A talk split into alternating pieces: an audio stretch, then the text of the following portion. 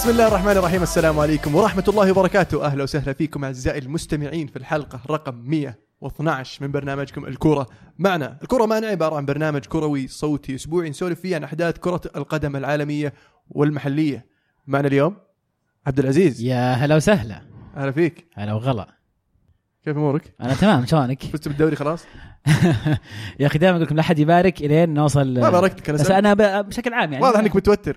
جدا. نابولي خ... نابولي مرة خطير ما ما ما طاحوا. لازم نجيب لك النحس. معنا برضو عبد الله أهلا وسهلا فيك المو. فيك. مو بس أنا ترى في معنا اليوم واحد آه، خشم الرجاجيل شنب الذيب أطلق مشجع شنساوي في المملكة العربية السعودية واحد من أصدقائنا أنا واحد نعرفه مرة من زمان ويمكن الوحيد اللي يتناقش معاه على موضوع تشيلسي وأرسنال بحرية تامة النجم الكبير محبوب الجماهير محمد الشامسي. هلا والله هلا بالشباب هلا ومسهلا. يعطيكم العافية على الدعوة الجميلة هذه وتشرفنا بحضورنا هنا معكم. والله إحنا اللي كلنا الشرف لنا والله نستضيفك أبو شامسي. عاد آه، اعذرنا على القصور. الحلقة والله ما تشيلك. والله يا أبو عابد آه، ما إحنا قصور مع ال- مع الجمعة الطيبة هذه بصراحة. قعدت. صبوا له قهوه يا جماعة. يستاهل يستاهل ومقدمنا الكبير أهم واحد البيج بوس المو هلا وسهلا كيف؟ والله يلا هيا عساك مرتاح؟ لازم أقول لك كيف حالك.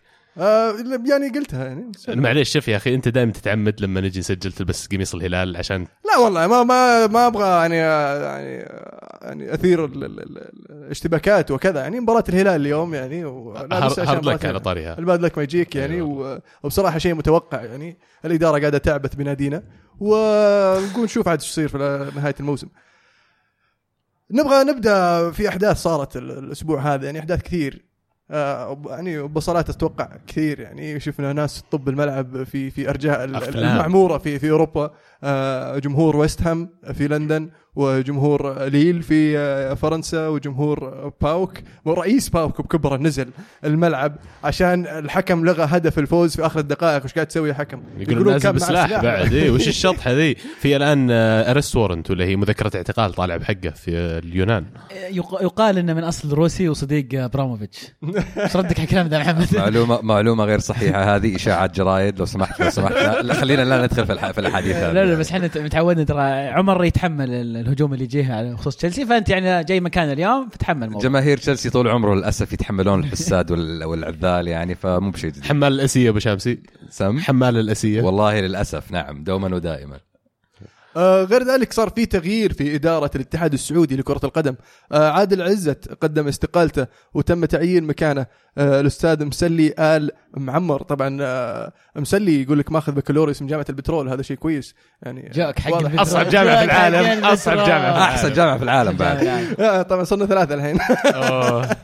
وماخذ ماجستير برضو في في التسويق والاتصالات في مانشستر وماجستير تنفيذي في القانون الرياضي في مدريد. بالإضافة لذلك إنه يقول لك آه ك- يعني عمل في إدارة التسويق في مانشستر يونايتد. فهذا يدل إنه يعني واحد ما شاء الله يعني ممتاز. بترول ومانشستر يونايتد؟ خلاص. إنك يعني يعني أتوقع إن ال- الاتحاد السعودي. الحين في أيدي أمينة. الرجال طبخها طبخة أصيلة. بيخدم اهداف المو هذا مو برئيس هيئة الرابطة؟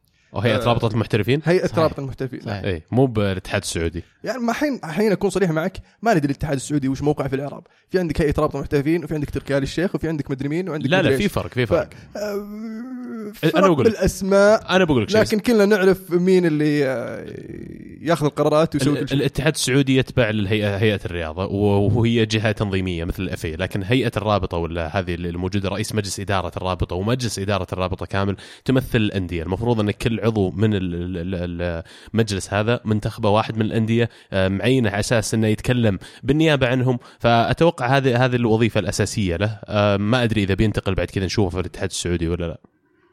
والله نرجو له التوفيق ونشوف عاد إيش يصير في الاتحاد السعودي من من هنا إلى المستقبل إن شاء الله.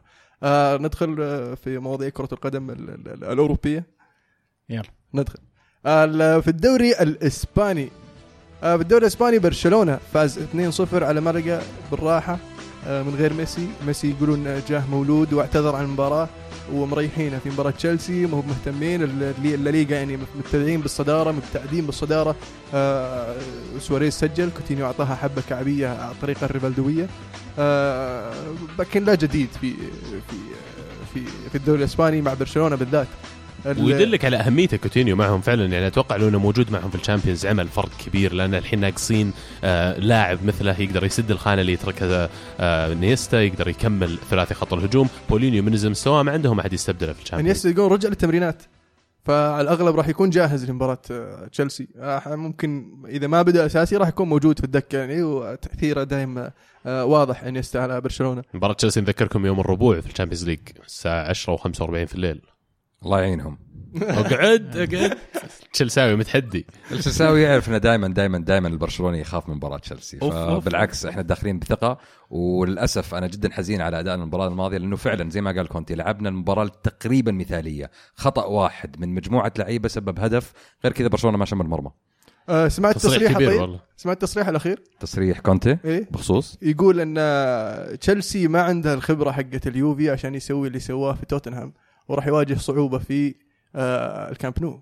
هو للأسف فعلا عناصر تشيلسي الموجودة حاليا في الفريق ليست عناصر يعني لديها الخبرة مثل عناصر اليوفي، عندنا عناصر كثير صغيرة في الفريق، عندنا عناصر ما قد لعبت في الشامبيونز من قبل، عناصر أساسية في الفريق مثلا كانتي مثلا آه، كريستنسن، فمن الناحيه هذه يعني ممكن يكون عنده حق في تصريحه، بس في نفس الوقت روح الفريق وروح النادي موجودة وأتوقع هذه اللي بتخلينا وبتساعدنا ان نتأهل ضد برشلونة. حلو. آه ريال مدريد. ريال مدريد فاز 2-1 على إيبار اللي بغى يصيد أحد الكبار. آه تقدم رونالدو في الدقيقة 33 لكن جاء التعادل دقيقه 50 رونالدو في الدقيقة 84 يخطف هدف الفوز. آه رونالدو في الفترة الأخيرة قاعد يعني يهدف. ال- زي ما عودنا في الموسم الماضي رونالدو آه، يدبل الدعسه ويرد نمرة في آه، النصف الثاني من الموسم. ال- ال- ال- ال- وش اللي- وش اللي صار يا عزيز؟ سمعتك تقول قبل الح- الحلقة في شيء صار في مباراة مدريد. آه، بحسب كلام يعني آه، زين الدين زيدان. يقول لك زيدان سألوه ليش راموس طلع مدة 10 دقائق تقريبا اختفى من من الملعب. يقول إن جته حالة جاري لينيكر كان أحد يذكر سالفة جيري نفس نفس الحالة صارت له من قبل. اللي هي يعني اضطر إنه يقضي حاجته. الله يكرمكم المستمعين number 2 ف... فاضطر إنه يستأذن وذهب إلى غرفة تغيير ملابس وعلى كلام زيدان انه اخذ دقيقة الموضوع. طيب دقائق الباقي. ما أدري. لكن اللي غريب يدور غيار ما لقى شوط يقول. برضو ممكن. هو سواها على نفسه يعني هو بدأ هذا كلام كلام المدرب يعني توقعت الدقائق هذه إنه ما لقى شورت ولا ما لقى. الك- ال characterات طبعا ما وفروا. كذا حطوا صورة راموس لابس حفاظة. راجع للملعب. فلا شيء طريف صراحة شيء اللي. فعلا يستاهل تحية زيدان وقراءة المباراة. قدر إنه فعلا يقلبها في صالح ريال مدريد بالتبديلات اللي سواها. آه بدأ المباراة ب 4 4 2 diamond اللي هي يسمونها معين تصير في النص محور ثلاث محاور وصانع العاب إيسكو. آه إيسكو اللي نازل مستواه من تالي كثير. بيل كان يلعب في الهجوم مع رونالدو لكن بيل خلال ذا الموسم والموسم الماضي أفضل المباريات اللي شفناه يلعبها مع مدريد كان يلعبها في متراجع أكثر شوي في الوسط. فزيدان لما المباراة هذه ما ضبطت معاه خلال أول الشوط الأول آه أول 60 دقيقة تقريبا نزل فازكيز بدأ يلعب على جناحه رجع بيل طرف نزل بنزيما راس حربة ثاني وفعلا هدف مدريد الثاني حق رونالدو جاء من كرة عرضية من الطرف. فعلا استغلوا وجود آه، ال- الأربعة أربعة اثنين اللي صارت خط بلاعبين سناتر في الوسط. جناحين ومهاجمين. آه، زيدان يعني إلى الآن قاعد صراحة يثبت أنه قاعد يركد السفينة كنا. ال- ال- اللي صار يعني آه، آه، مدريد حاليا تأهل في ال Champions League وعلى ما يبدو إنهم ضامنين مو ضامنين خلينا نقول إن مرتاحين ما في عندهم مشكلة في الدوري خسرانين وعارفين إنهم بيتأهلون. فما هنا خلاف يعني في الدوري بالنسبة لريال مدريد. لكن الأتلتي بعد خسارة ال- ال- ال- المباراة ضد برشلونة آه، ما زال ينافس على يعني يحاول ينافس خلينا نقول. آه، بعد فوزه على سلتا فيغو 3-0 مباراة يعني عودنا جريزمان في الفترة الأخيرة أنه قاعد يستهبل بصراحة من ناحية التهديف وصناعة الأهداف. أخذ أحسن لاعب آه، في آه، شهر فبراير ال- ال- ال- الدوري ال- الأسباني مسجل آه، ثمانية صنع اثنين فعشر أهداف في كم؟ أتوقع أربع مباريات في الشهر. فشيء شيء جميل قدمه جريزمان. آه، بالنسبة لجريزمان وانتقاله إلى آه، برشلونة هل تشوفون الموضوع يعني شبه حسم؟ لأنه بعد يكثر الكلام وبادي الناس إنهم يعني شبه مقتنعين وسيميوني حتى يتهرب من الإجابة وش اسمه جابي آه، يقول إن اللاعب يلعب بطريقة professional إذا يبغى يطلع هو يعني براحته بس إنه هو قاعد يلعب معنا كأنه دايم معنا ويلعب للفنيلة يلعب للشعار آه، فوش رأيكم؟ التصاريح كلها فعلا زي ما قلت تدل على أشياء كثير. لكن أنا من أول من تقريبا ست أسابيع حكينا عن الموضوع قلنا في أخبار صحفية شبه مؤكدة. إنها قالت إن في اتفاق مبدئي تم بين الإدارتين. شخصيا أشوف ت make sense أو منطقي الانتقال هذا بالنسبة لجميع الأطراف. كلنا عارف إن جريزمان بيطلع للصيف بالصيف. لو ما راح برشلونة بيروح يمكن مانشستر يونايتد بايرن ميونخ. أه، أندية كثير صافّة تبغى خدماته. برشلونة يمكن لأنه موجود في نفس الدولة ما يطلع من إسبانيا. فريق يلعب كرة قدم هجوميه سيميوني قال أكثر من مرة قال جريزمان بتشوفون قيمته الحقيقية لما يطلع من أتلتي ويلعب بفريق هجومي أكثر وأتفق معاه 100% ال- ال- الصحف الإسبانية تقول إنه عشان برشلونة يوقع مع جريزمان طبعا لا ننسى إن جريزمان فك عقده 100 مليون ولا شيء. يورو. آه برشلونة لازم يمشي على الأقل ثلاث لعيبة. ليش؟ آه ال- ال- الرواتب عندهم يعني لما يجي لاعب زي جريزمان آه راح ينزل له راتب عالي. ف وفي عندهم كم لاعب يعني ما ما منهم فائده طلعوا نيمار طيب. ما صحيح. ما ساعدهم ذا الشيء؟ آه ممكن ساعدهم. آه لكن لا تنسى انهم وقعوا مع واحد آه اغلى لاعب في العالم حاليا 160 مليون في جانوري. آه ما أدري كم راتبه بالضبط بس أتوقع إنه برضه راتبه عالي. ال- ال- في عندهم كم لاعب مثل آه، الحبيب أردا توراني اللي راح تركيا آه والآخر رافينا اللي راح آه إنتر ميلان. على ما يبدو إن هذول ما راح يرجعون برشلونة. آه وفي كلام على جوميز. اللي آه بادئ ت- بتصريحاته مؤخرا انه يعني خلاص الرجال نفس صار يقول يعني ما أبغى أقول بس انه أحس إني عايش في جحيم بالذات شكله انه وقع. مع لاعب آه، إيه، آرثر, آرثر آرثر. برازيلي فعلا. اللي هو نفس تقريبا خانة آه، جوميز بس ترى مو بجاي إلا 2019 آرثر مطول مو يعني لا لا. مو الصيف الجاي في. يناير يا يناير يا الصيف اللي بعده بس على الأقل في يناير بس أتوقع إن جوميز أيام خلاص إلى الصيف وماشي ما أتوقع إنه يقعد أبد بس ما أدري أنا بالنسبة لجريزمان أحس يا أخي في أندية كثير ليش تروح برشلونة؟ ما, ما أنت مضطر إنك تسوي الانتقال لفريق المنافس في, الدوري. را- راح في دوري إنجليزي عندك راح انتقل روح PS دوري جديد تحدي جديد ممكن. إيه، إيه، لا، بس غير مو P يعني. SG يعني معليش. أنا لا، ما أنا تنتقل ما, ما يعني معليش اللاعب يعني فرنسي. ومو برازيلي. طيب فرنسي يروح نادي في فرنسا؟ طبيعي. لا لا لا. يعني هو فرنسي عارف قيمة PSG مع احترام الجمهور PSG آه يعني معليش تلعب في الأتلتي وتجيك فرصة تروح آه، تلعب في برشلونة ولا تلعب في آه، بايرن ميونخ ولا في مانشستر يونايتد ولا في أحد الفرق الكبيرة الاوروبيا تروح مع PSG يعني غير مقنع. يعني شوف غيرك راح وأخرتها طلع من دور 16 زي الموسم الماضي. فوش وش بيسوي؟ يروح عشان فلوس؟ في أندية بتعطي فلوس. إذا بيروح عشان فلوس ليش ما يروح الصين يسوي زي أوسكار؟ أوسكار يقول أنا أوسكار. إيه. يا أوسكار يقول أنا رحت عشان يعني مستقبلي آه ما ما يهمني ألعب في كأس العالم بس يعني أبغى امن مستقبلي ما أبغى أعتزل وأقعد أصير طفران هو تصريح أوسكار ما كان بخصوص آه، إنه في ناس كثير كانت تنتقد إنه ليش راح الصين فكان أوسكار يرد عليهم يقول لهم أنا شخصيا يعني أفكر في أهلي وأفكر في نفسي قبل ما أفكر في أي حد ثاني وإذا الناس كانت تنتقدني إني أنا ما حلعب في كأس العالم وش بتفيدني اللعب في كأس العالم إذا أنا في المستقبل يعني قاعد طفران و- وما ما وفرت لنفسي ولاهلي اللي أقدر اللي أقدر اوفره ما في أحد كل طفران يعني. أخي. معلش كلام فاضي. أنا أسف عبد الله بس كلام فاضي مرة. يا أخي يا أخي في فرق يعني تكون عندك راتب 5 مليون في السنة أو 20 مليون في السنة. طيب أنا فاهم إن 20 مليون أكثر بكثير لكن 5 مليون وش اللي طفران؟ صح أكيد ما هي ما هي يا أخي غير طبيعة أسلوب حياتك. مو لازم تعيش أنت تعودت على تعيش على صرفية 15 مليون لأنه يجيك 20 مليون. بس قبل يوم كنت طفران كنت ما كنت تصرف مليون واحد. مو أنت في الحالة هذه يعني تفكر في اللاعب الحالة. خذ مثلا مثال اديبايور اديبايور طلع وصرح من نفسه إنه هو كان يصرف على 20 أو 30 شخص من أفراد عائلته في توغو. وكان هذا سبب كبير في يعني انحدار مستواه لأنه كان ضغط نفسي عليه من طرف أهله. أنا بالنسبة لي أوسكار تصريحه يعني تصريح شخصي له بس أنا أتفهم وجهة نظر اللاعب اللي يقول لك أنا بالنسبة لي عندي 10 سنين ولا 15 سنة أسويها فيها فلوسي وبعدها أنا ما عندي يعني خبرات ممكن أستفيد منها. فبالنسبة لأوسكار يكسب الفلوس هذه أهم من إنه يلعب في كأس العالم وهذه وجهة نظر اللاعب يعني وأنا أحترمها بصراحة. حلو. آه فالنسيا قدر يروح ويسوي اللي ما سواه بعض الناس. إلى إشبيليا ويفوز عليهم 2-0 إيش فيك تضحك؟ هو هو يعني ألموي كذا دائما. يعني ذب على الجميع حتى على فريقه. عادي ما عنده مشاكل. آه إشبيليا طبعا وفالنسيا بينهم آه يعني ما بينهم شيء مركز آه مركز عن مركز الرابع والخامس. فالجميع بين الفريقين يطمح إلى أنه آه يوصل إلى المراكز المؤهلة لل Champions League آه على ما يبدو فالنسيا عنده رغبة أكبر آه إلى التأهل خاصة ما عنده تفكير في مباراة ثانية آه أن إشبيليا راح يقابل يونايتد آه يوم الثلاثاء. نذكر بجدول الترتيب في الدوري الإسباني آه، بعد الجولة 28 برشلونة في الصدارة ب 72 نقطة. أتلتيكو مدريد في المركز الثاني ب 64 نقطة. ريال مدريد في المركز الثالث ب 57 نقطة. والله ال- ال- يعني المسافات يعني آه، كبيرة بين الأندية في الدوري الإسباني. هو للأسف مدريد السنة هذه بصراحة إخفاقه خلى الدوري الإسباني قلل المنافسة في الدوري الإسباني. يعني ما نتوقع مثلا أتلتيكو ينافس برشلونة زي ما مدريد ممكن ينافس برشلونة.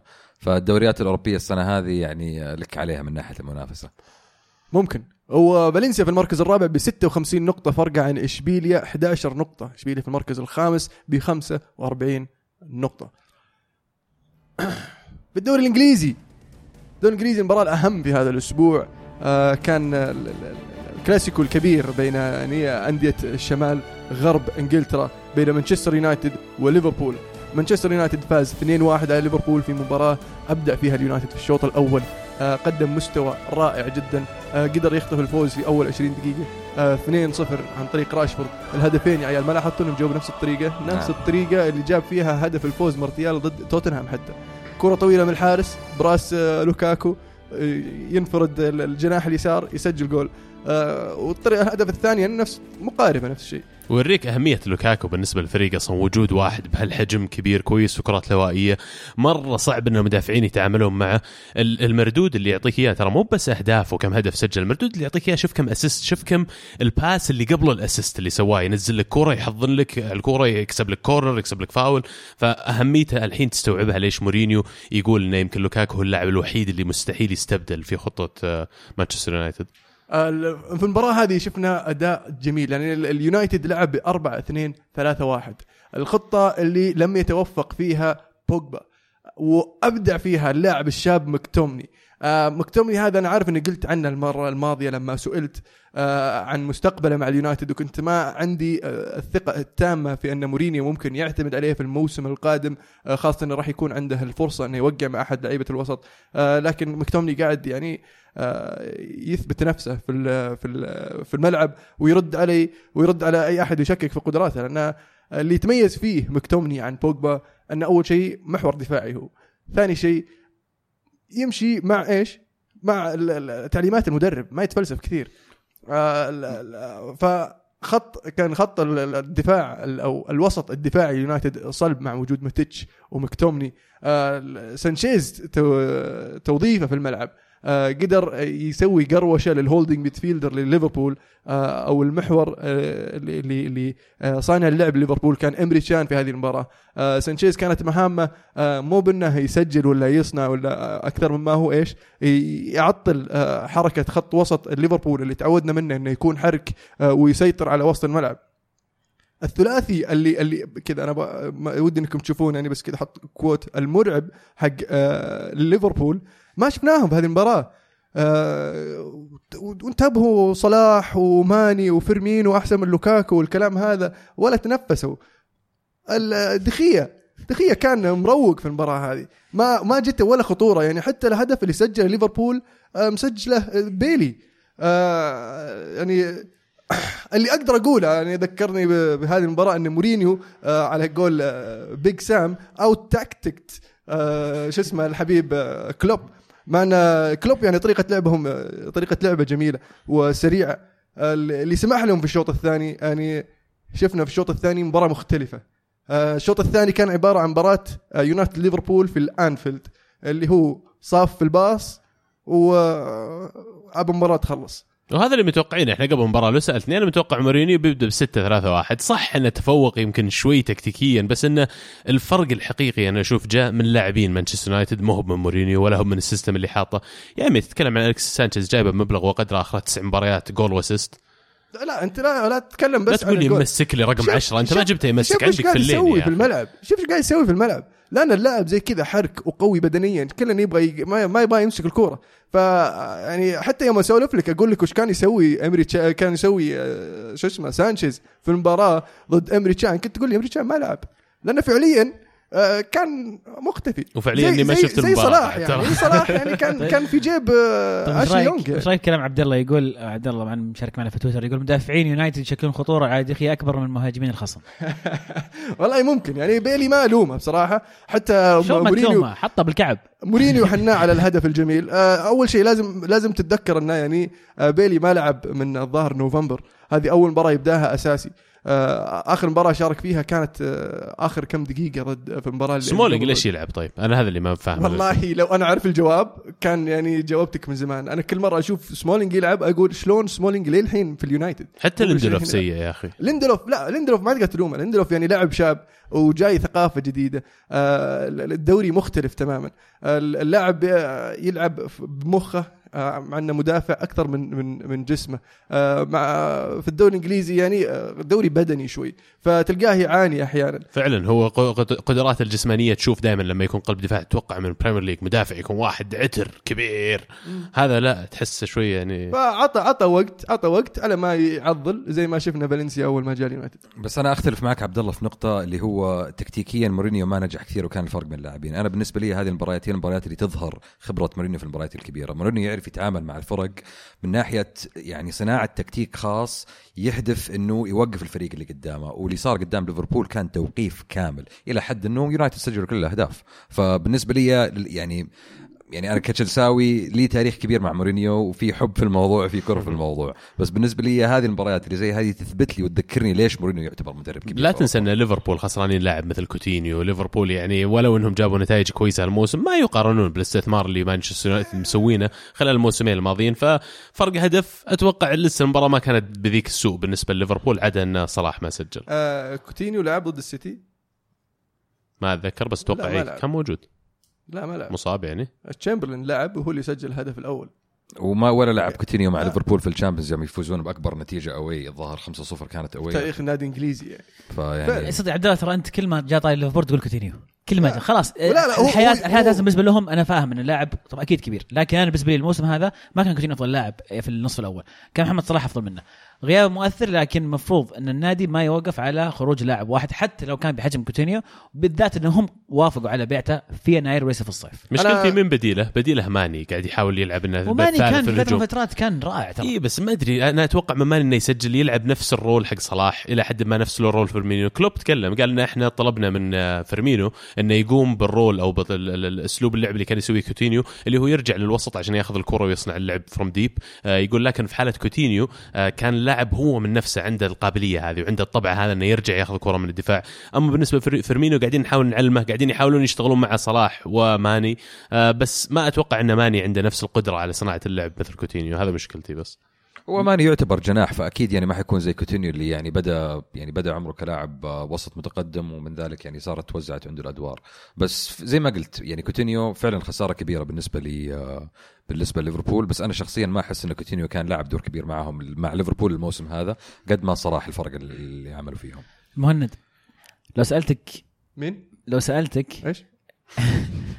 مين تبي يجي منا سؤال الآن في تويتر؟ السمي لا لا غير السمي ها؟ اي أبغى اللي يقف شرينة تتقطع. هذا أوكي. سمعنا نزل يقول. لك واحد عشان يتقطع ليفربول يقول لم أكن أنتظر هذه النتيجة في الكلاسيكو الأرض. بكل صراحة كل ما بيضها كلوب يرجع يسودها للأسف. حتى مع تطور اللاعبين الشبان ونجاح صفقة صلاح نخسر في كلاسيكو الأرض. ويصبح مقعد الأبطال مشكوك فيه مثل الموسم الماضي. لا يوجد تطور ابدا. جاوب باختصار من ترشحون مدرب للزعيم الموسم القادم. لا حول بقيله. ما- دعوه يا ما أخي أدري يعني بالعكس. أنا معه. والله أنا معه. أنا قايل من لي فترة أقول الكلوب يعني أنا أشوف إنه يا أخي هي ما مباراة. ما هو لا لا مو على مباراه أنا قايل لك لي فترة. أنا ما أشوف انه أوكي كلوب مدرب كويس لكن أعطي فرصته مع ليفربول.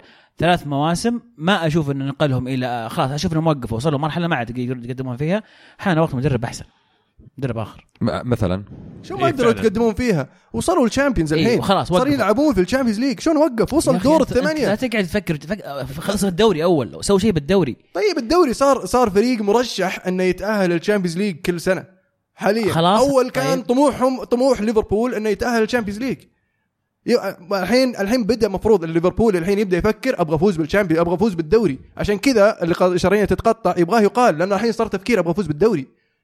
فاقنعني إن هذا مو بتحسن كان طموحك يا عزيزي إنك أبغى أتأهل ال Champions League أبغى أرجع لبطولاتنا الحين صار طموحك أبغى أفوز بالدوري شيل المدرب ذا جيب لي بعده اللي أحسن منه خلاص لأن أنا لا أشوف أخي وصل وصل يبني مين اللي أحسن. منه؟ مين اللي أحسن هذا؟ السؤال. مين اللي أحسن منه بوكيتينو مو بجايك بوكيتينو مين بقى؟ بقى هم ثلاث أربع مدربين اللي سيميوني ما حيطلع سيميوني من أتلتيكو لا،. ممكن لو يجيك، قلت لي بس مو بأحسن لو قلت لي كلوب كلوب بيجي ليفربول ما صدقتك كلوب يجي ليفربول؟ اي يوم قلت لي لو نفس الشيء. سيميوني ليش ما يجي؟ شو المشكلة؟ أنا أتوقع لو قلت لي بالوتيلي بيروح ليفربول ما صدق. سيميوني أحسن في طيب. أشياء ما, ما تنفهم بس تصير في الكورة عادي. أنا شخصيا أشوف إن كلوب يعني من أفضل المدربين في أوروبا وأشوف إن إقالته من ليفربول تكون خطأ فادح وليس مجرد كبير لأنه كل الشغل اللي عملوه على آخر ثلاث سنين ينكب في زبالة يبدا يبدأ من جديد. طب لو انتهى الموسم وما في أي يعني إذا انتهى الموسم وكلوب ما تأهل لل Champions League يحتاج اعاده نظر هناك بالموضوع. هناك تبدأ ت- تعيد حساباتك. نعم. بس إذا هو متأهل لل Champions League. ودام الحين موصل دور الثمانية عنده احتمال يوصل ال semi-final ف... غير شيء مباراتين ترى. إذا إذا انتهى الموسم بالضبط. إذا انتهى الموسم خلي Champions League أنا بالنسبة لي Champions League أشوف إنه يعني اللي قاعد يسوونه ممتاز وكفاية.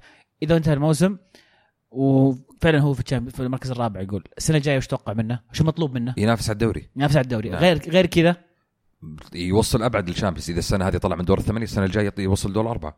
بس غير كذا فشل يقول لك يعني؟ إذا ما نافس على الدوري السنة الجاية أنا أشوف انه اعطي فرصة بزيادة بس. كيف ينافس. مان سيتي ومان يونايتد صعب ترى مو؟ قاصرهم شيء. فلوس عندهم فلوس مو بكثر السيتي شو مو ويونايتد كثر يا دافعين أخي. 75 على مدافع بايعين مدافع مو- لاعب وسط 160 تو قبله أخي. طيب وش اللي على أساس إنه ما كانوا يقدرون يدفعونها قبل ما يبيعونها تبي تقنعني ليفربول ما عنده فلوس؟ يونايتد مين باع عشان يشتري البشكه اللي شراها سيتي مين باع عشان يشتري؟ وش البشكه اللي شريناها واحد. وش البشكه اللي شريناها أتكلم من بوجبا وأنت ماشي يعني. بوجبا ترى لاعب واحد.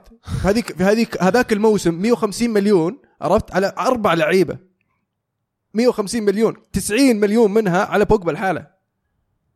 طيب والموسم اللي بعد يعني يعني وشريت بعده والموسم بعده صرفت 150 200 مليون ثانية والموسم اللي بعده. أي نادي ليفربول ما يقدر يسوي كذا. 75 مدري كم في, في, في يناير هي عنده فلوس. معلش يقدرون يصرفون.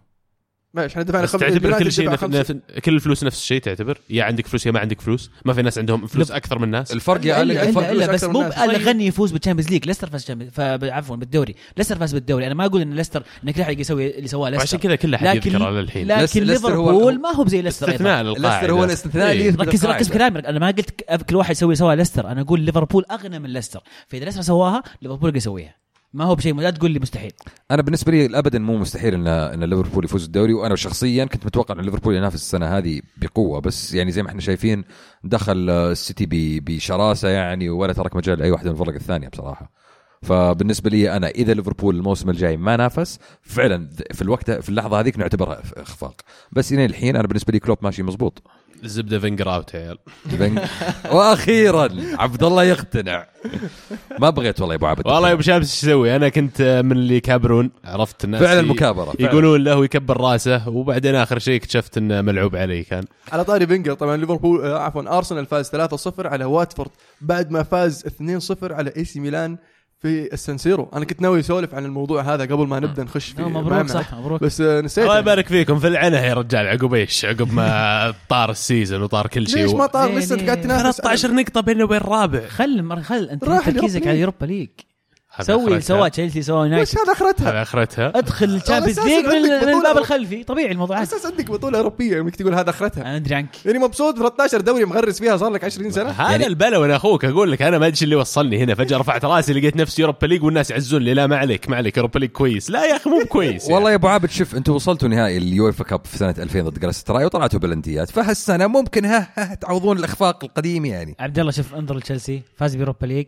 فاز قبلها كان فايز بال Champions League وكان النادي الوحيد اللي يحتفظ على البطولتين في نفس الوقت. كان عنده بطولة ال Champions League وكأس لمدة ال Europa ست أيام. نعم لمدة ست أيام نعم نعم. بعدها فاز بالدوري. يونايتد فاز ب Europa League دخل ال Champions League. الآن في تحسن المركز الثاني أو الثاني صح؟ الثاني إيه. فازوا على ليفربول. كفاية أتلتيكو. أتلتيكو فاز بال Europa League ومن بعدها فاز بالدوري وصل نهائيين Champions. ف يعني أكيد يعني بالتالي أنت تشوف كذا. والله شوف إحنا قاعدين نواسيك. أنا داري. وأهم شيء أهم شيء إن بايرن ما جوني محيفرة تحت في ال Europa League. عرفت؟ ولا صار موضوع شخصي. فالأمور طيبة إن شاء الله. الموسم الجاي نشوفكم في النهائي. الموسم هذا sorry نشوفكم في والله النهائي. احتمال ترى يجيك دورتموند يعني بعد مين. بيجيك لا لا. دورتموند بيطلعون بيطلع. خسروا دورتموند في الذهاب. اتلتي بس من المشكلة آه، بالنسبة لميلان يا أخي من اللي شفته ام sorry عزيز يمكن ما يعجبك الكلام بس آه، بين الفرق في ال quality ولا النوعية ما بين آه، سادس ولا سابع دوري إنجليزي وسادس وسابع دوري إيطالي. الدوري الانجليزي بشكل عام والدوري الإيطالي بشكل عام هذا اللي بوصل هذا اللي بوصل لأن فريق يصقعك في السنسيرو وأنت فريقك متحسن الفترة الماضية قاعد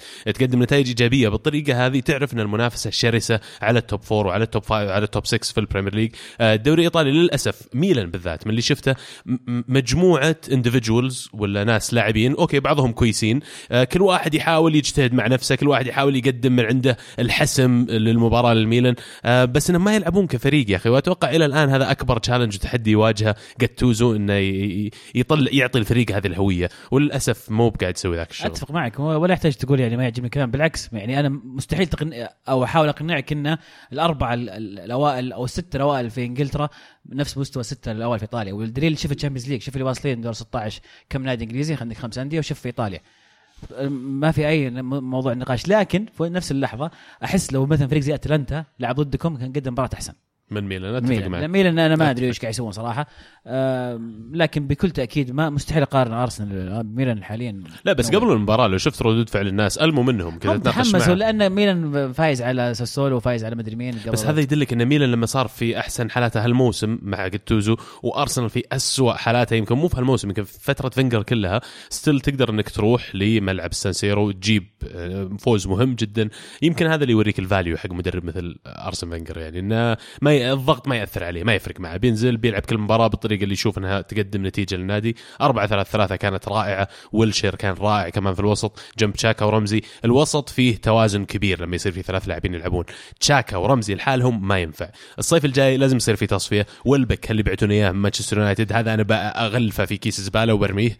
آه هو ومن على شاكلته في النادي. معليش يا أبو شامسي وتشك حقك هذا اللي والله أول مرة يسوي save penalty في تاريخه معنا. والله تشك يا عبد الله شوف يعني إذا بتنظر إلى تشك تشك أخيرا احتفل ب 200 clean sheet في ال Premier League بس المضحك لما تطالع. لما تطالع فيها عدد الأهداف اللي استقبلها تقريبا نصف الاهداف أهداف اللي استقبلها في ال Premier League جت عندكم في ارسنال اعطيتونا اياه خربان. باين يعني- علينا خربان. الرجال قعد معنا فوق الع- العشر سنين تقريبا. okay. ت- تستقبل تقريبا 100 هدف. جاء أرسنال في ثلاث مواسم استقبل 100 هدف. أيوة. فيعني يدل هذا يدل على إخفاق دفاعكم هو بعد هو. يتحمل جزء من المسؤوليه في الأهداف هذه. أنتم بعتونا اياه خربان. وويلبك هذا أصلا ما أتوقع قد إنه صار صالح من قبل. آه نعطيكم اياه نرجع الفاتورة ما زالت معنا. أعطونا راشفورد بداله. ونزيدكم شوي. وش داخل انت سوق ملابس؟ يا أخي إيش دعوة يا أخي؟ آه، بدل واستبدل مر 30 يوم خلاص ما أنا- ما مرة مرة ثلاث سنين. ما بيننا يا رجال لاعب وش دعوة؟ ما- أي والله يعني أعطيناكم واحد أحسن منه. من هو؟ ما أعطيناكم آه، ميكي.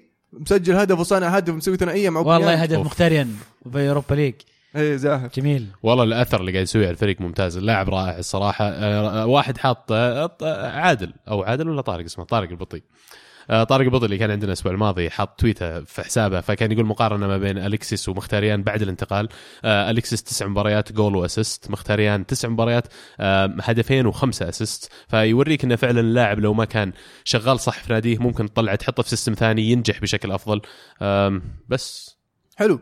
آه تشيلسي يفوز. آه أخيرا فاز تشيلسي. آه عقب سلسلة تعثرات آه فاز على أرضه هذه المرة آه واثنين آه 2 0 كانت. 2 1 ضد كريستال بالاس. نعم. ال- اللي شهد هذه المباراة مشاركة آه جيرو أساسي صحيح. آه لأول مرة مع تشيلسي. هل تتوقع إنه يكون أساسي ضد برشلونة؟ والله بصراحة حستغرب إذا ما لعب أساسي ضد برشلونة. حاليا للأسف مراتا قاعد يحل يعني في أزمة ثقة عظيمة جدا. فبالتالي جيرو يعني حتى في المباراة هذه يعني كان عنده فرصة كبيرة يسجل هدف والشوطة حقته يعني انشالت من الخط. فبالنسبة لي إنه ما يبدأ بجيرو ويبدأ بهازارد كراس حربة خطأ كبير يعني. هذه هذه راح تبدا إذا بدأ بهذه التشكيلة أتوقع أنه آه، سلم المباراة من ما أساس تتوقع أنه بيسوي زي الذهاب ثلاثة الوهميين قدام؟ ما ويليان وهازارد هو وبيدرو هو هو, كان؟ هو للأسف أنا زي ما قلت المباراة الماضية كان لعب مباراة شبه مثالية. الخطأ الوحيد اللي هو الهدف والهدف كان يعني ما هو خطأ لاعب واحد قد ما هو أربع أربع خمس لعيبة يعني تجمعوا في خطأ واحد. فلو إنه ماشي الخطة المثالية حقته وفاز 1-0 ممكن يعيدها. بس في الحالة هذه ما يقدر يعيد نفس التكتيك يحتاج تكتيك ليه؟ مختلف. يحتاج لاعب في في في رأس الحربة يعني جسدي لاعب يقدر يمسك الكورة ويسمح للعيبه الثانيين يدخلون. هازارد ما هو بهذا اللاعب. لو لاحظت في في في مباراة ال- السامفورد بريدج مع برشلونة كانت كرات عالية كثير تروح لهازارد وهازارد يحاول يثبتها ولا يطقها براسه على أساس إنه يصير أحد. بس يعني هازارد مو باللاعب ال- بالطول الطول الفارع ولا القوة البدنية اللي يقدر يثبت الكوره هي في الهواء. فعلا. آه ال- اللي افتقده فعلا تشيلسي في هذه المباراة اللاعب المهاجم ال- ال- target man.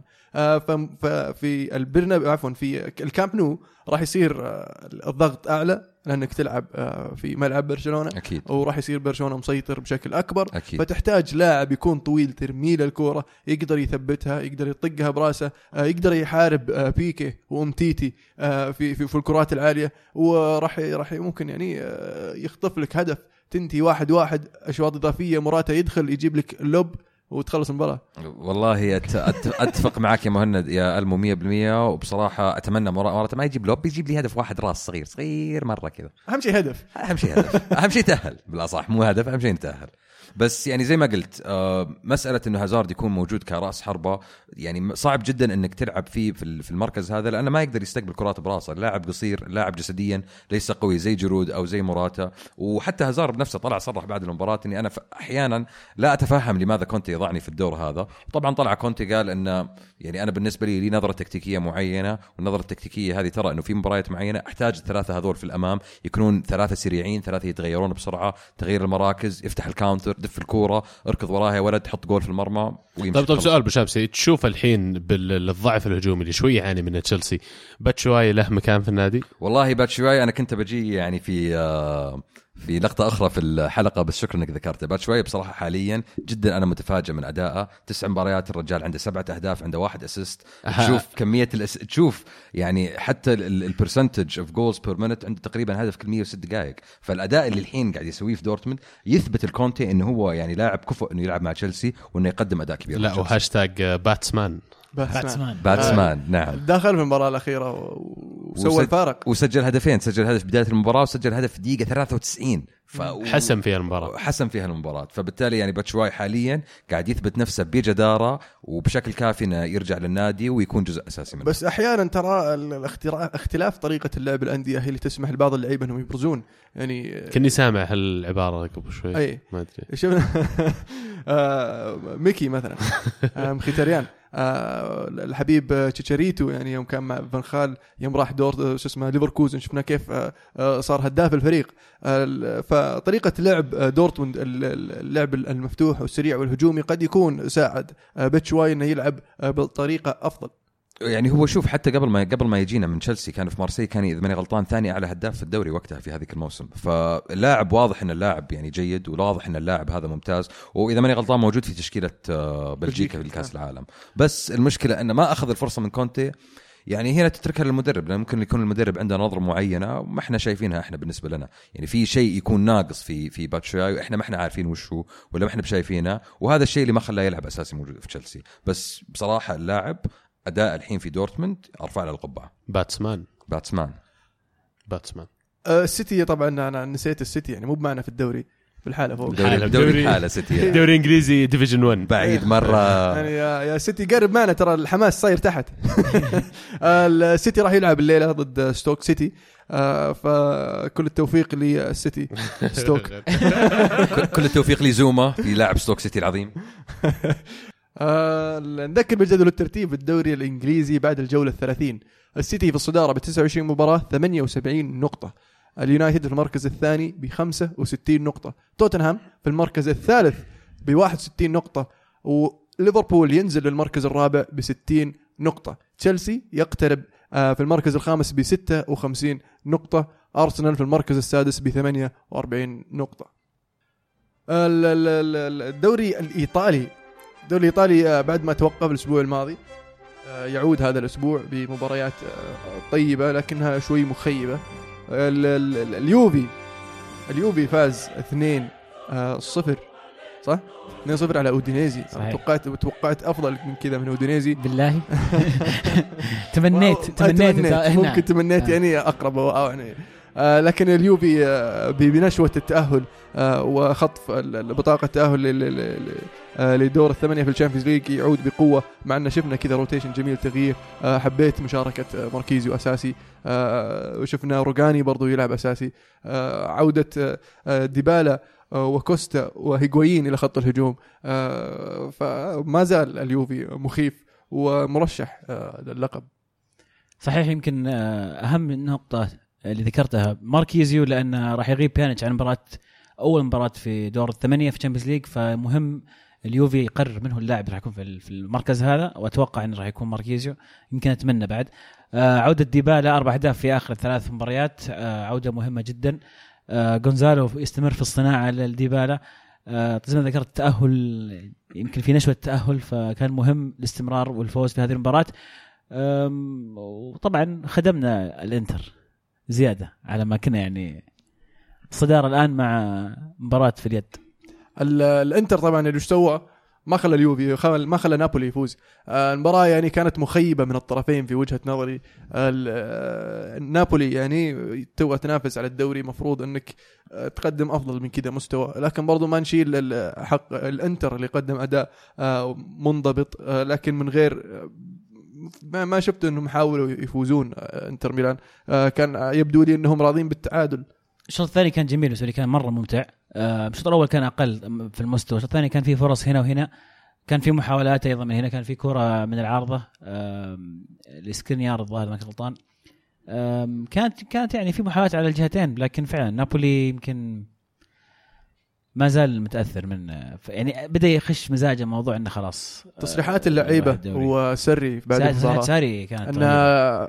إن ما زلنا نحن ننافس ما زال عندنا الرغبة إن نفوز ونبغى ما فقدنا الأمل والكلام هذا في مباراة تجمع الفريقين لكن راح تكون في اليوفي ستاديوم و أشوف انه راحت بصراحة استكمالا لتصريحه كان ذكر كلام غريب صراحة يقول آه، صعب إنك تنافس آه، أندية زي اليوفي والبايرن ومدريد هذول عندهم فلوس وعندهم يصرفون. أنا أشوف إنك كذا تزرع أنت في لاعبينك خلاص انه راحت عليك وما ما عاد في أمل إنك تتأهل. هو كان محبط واضح محبط وكان مباراة بين بين نابولي وإنتر وكل الاسئله عن اليوفي وبعد اليوفي. وآخر شيء قفلت معه وقال أنتم تسالوني عن اليوفي تسالوني عن مباراة نابولي وإنتر. ترى فك السماعة ومشى. يا ساتر والله إيه. نفس. اي كان مرة قافلة معه. وتصريح آه، سباليتي الغريب اللي يقول ما أقدر أطور الفريق فوشو له جاي؟ أنا ما سمعت التصريح هذا بس آه، يعني فعلا غريب لو كان حقيقي يعني. ما أدري عنه بصراحة وش قاعد يفكر. آه تشوف إنه ممكن يكمل يعني بعد التصريح هذا؟ أول موسم. بس يقول ما يقدر يطور الفريق. فوش في وش تستفيد منه يعني قصده أحتاج أسوي انتقالات وكيف في الصيف واقوي ممكن الفريق. ممكن هذا قصده. عموما آه، أنا أشوف إن عنده مدافع خرافي. احد أفضل مدافعين في الدوري الإيطالي السنة هذه اللي هو سكنيار. آه، شفناه في المباراه هذه كان صمام أمان كان يعني نشب للثلاثي حق آه، نابولي بشكل رائع. أتوقع نابولي يحتاج الإنتر يحتاج فقط تعزيز زيادة مع رافينيا. اللي لسه ما بعد يتأقلم مع الفريق بشكل كامل. بورخا فاليرو ما كان أساسي أنا أشوف إنه المفروض يكون اساسي في هذا الفريق. آه، إيكاردي بقائه في الصيف ضروري جدا للإنتر. آه، بروزوفيتش أيضا لاعب مميز. نزل آه، عندك جابياديني في فريقهم كويس. شوية تعزيزات. كانسيلو كان ممتاز أيضا على الظهير. ال- تصريحة كان غريب أيضا سباليتي يقول يقول كانسيلو من اللعيبة اللي إذا لعبتها الظهير يمين قال أنا أحسن لو تدفني قدام 10 امتار في مركز شوي قدام. قمت لعبتها على جهة يسار قال أنا أحسن في اليمين. طيب أنا ما علي من الأشياء هذه تصير طبيعي لكن يا أخي لا تعلنها قدام الناس. خلي الموضوع بينك وبين اللاعب. إذا ما عجبك اللاعب خله دكه عندك لاعب غير اللاعب. عندك انت شاري كم ظهير في الصيف. ففعلا تصريحات سباليتي خلينا نقول المباراة هذه كلها تصريحات المدربين كانت غريبة. نابولي في وجهة نظري آه، ينقصه ليفوز بالدوري اللي هي آه، القوة الذهنية.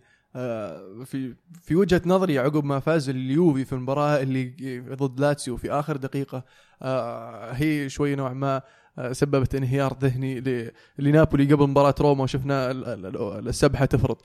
ومن عقبها يعني المباراة هذه أتوقع إذا ما رجع اليوفي الانتصار في عفوا نابولي الانتصار في المباراة ال- ال- القادمة آه، قد نشوف يعني آه، هبوط يعني حر. أتوقع. أتوقع هذه الألم واللحظات اللي يبين فيها يعني عصب الفريق. يعني في اللحظات هذه لما تمر في لحظات صعبة تضطر إنك أنت كفريق يعني تجمع نفسك وتجمع طاقاتك وترجع تجرب مرة ثانية في المباراة الجاية إنك تفوز. ففي ال- في اللحظات هذه فعلا هي اللي تفرق بين الفريق اللي ممكن يفوز بالدوري وما يفوز بالدوري. لو نتذكر ليستر قبل كم سنة عدت فيه اللحظات هذه عدت فيه إخفاقات في على تقريبا نهاية الدوري بس شد حيله ليستر وقدر يقدر يعني ينجز اللي أنجزه. فنابولي أنا بالنسبة لي لسه عنده مجال يسوي الشيء هذا. للأسف حاليا وضع نفسه في يعني موقف إنه يضطر إنه يعتمد على اليوفي إنه يتعادل أو إنه يخسر على أساس إنه يقدر يستعيد الصدارة. حط نفسه في حفرة. بالضبط. بس أنا أشوف إنه لسه قدام المجال بناء على قوة اللعيبة وقوة المدرب وقوتهم العقلية يعني. خلينا نتكلم ب- بشكل واقعي. شوف نابولي ترى اللي سواه في آخر آخر كم مباراة ترى رائع جدا. ترى لها عشر مباريات انتصار متتالي. واليوفي ترى كان ضاغطهم عشر مباريات أيضا. ترى يعني يعني لازم تحط أنا مو مو بقصدي أمدح اليوفي لكن لا ننسى أن نابولي ترى كان يقدم شيء رائع. عشر مباريات متتالية انتصار. المشكلة اللي كنا نعرفها إحنا من الصيف كنا نتكلم دائما في الصيف لما نتناقش عن الدوري الإيطالي ومين بيفوز فيه اليوفي ولا احد ثاني كنا نقول مشكلة نابولي إنه راح يجي فبراير أو مارش وي- ويبنشرون. لأن ما عندهم حركات تدوير. ساري مصر إنه يلعب نفس التشكيلة وفي الصيف ما عزز فريقه بشكل إضافي. أنت عندك ميليك مصاب عندك آه، غولام أصيب. أنت عارف عندك غيابات مهمة في آه، يعني لعيبة أساسيين عندك. ف مضطر إنك تعزز فريقك في الصيف مو عشان بس تملي الخانات اللي إصابات لا عشان تسوي تدوير. أنت بعت ال Champions League وال Europa League عشان تركز على الدوري. حتى الدوري يحتاج تدوير. أنت مو بس تدوير عشان جهد بدني. يا أخي يجي اليوم كاليخون مثلا مو في يومه. تحتاج لاعب ثاني من الدكة يجي ويضغط كاليخون يدري إن كاليخون خانته ما مضمونة. يا أخي يونس اللي جابوه ما هو في هذا ما هو في هذا المستوى. لاعب جيد شاب لكن ما هو في مستوى يضغط. آه، كاليخون يخليه يخاف على خانته ويبذل مجهود مجهود أكبر. أنا اعتقادي هذه مشكلة نابولي الاساسيه إنهم حسوا إنه ممكن يأخذون الدوري كله مسة واحدة بنفس التشكيلة وهذه يمكن يلام عليها ساري في وجهة نظري. وواضح سار ساري يعني استوعب متأخر. يوم جاء جانوري وحاول إنه يشتري آه، آه، لاعب هجومي يضغط على أحد اللعيبة ال- ال- ال- الهجوميين اللي عنده لكن ما ضبطت معه. آه، فإن شاء الله إنه يتعلم آه، ونشوف أفضل في الموسم القادم. أتوقع هذه مشكلة توتنهام نفسها حاليا لأن توتنهام عندهم تشكيلة أساسية 11 لاعب قوية جدا. بس لما تشوف دكه الاحتياط عندهم ما عندهم ذاك البدائل. يعني ممكن الموسم هذا أفضل من المواسم الماضية بس لسه ما عندهم البدائل اللي ممكن فعلا يجون ويضيفون يعني جودة للفريق ويقدرون ينافسون اللعيبة الأساسية. فعلا شفناه وقع مع لوكاس آه، في في جانوري واللي ساعدهم هذا السنة عودة لميلة. آه، للفريق. لأن الموسم الماضي كان مصاب لمدة طويلة. بس للأسف عندهم صفقات مثلا زي يانسن كانت صفقات جدا فاشلة ويعني صرفوا فلوس ولا استفادوا من اللعيبة اللي جابوها. فبالنسبة لبوتشيتينو لازم يعني يقدر يركز على اللعيبة اللي فعلا تضيف إضافة لفريقه ويجيبهم الموسم الجاي إذا يبغى يحافظ على نفس مستوى الفريق. حلو. ناخذ مشاركة من إريك جيرتس يقول توتنهام طبعا هو مشجع الإنتر تكون في الصورة بس. توتنهام ونابولي يخيبون ظني فيهم ويعطون اليوفي فرصة للثلاثية الدوري. آه، للثلاثية. الدوري حسم والكاس إن شاء الله يبيضها الجار ودوري الأبطال صحيح بدري الحكم لكن شكلها بيوصل النهائي. إن شاء الله إن شاء الله ما يحققونه. وسباليتي الوسخ ذا ليته منبطح لنابولي. نسوي أي شيء بس يحققون الثلاثية اليوفي. والله مفروض يعني أنا أستغرب من إنتر ميلان يعني أنت ما تبغى تفوز.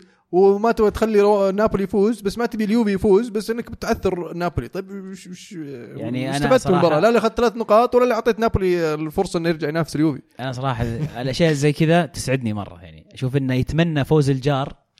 عشان و- بس أنت ما إي. يعني ما كذا أنا كذا أنبسط صراحة فشكرا لك يا صديقنا إريك. على طاري الجار إي سي ميلان يفوز خارج ارضه ضد جنوا. واحد صفر في هدف جاء في آخر نص دقيقة في الشوط الثاني. اندري آه أندري سيلفا.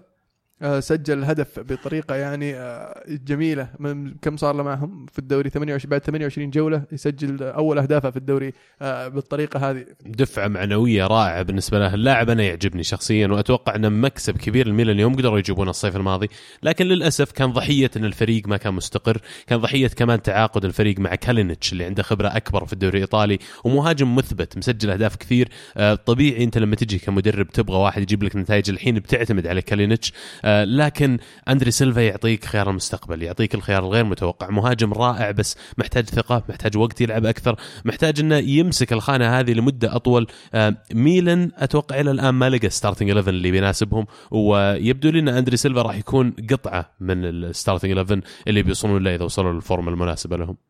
اللي يقهر إن لا كالينيتش ولا سيلفا اللي فاد الفريق زي ما فادهم كوتروني ابن النادي ذو 18 عام. أو الحين نوصل 20 عام عفوا. آه ف في الأخير مو باللاعب اللي تشتريه هو اللي يسوي الفرق اللاعب اللي يبغى يسوي الفرق هو اللي يسوي الفرق. آه نذكر بجدول الترتيب في الدوري الإيطالي.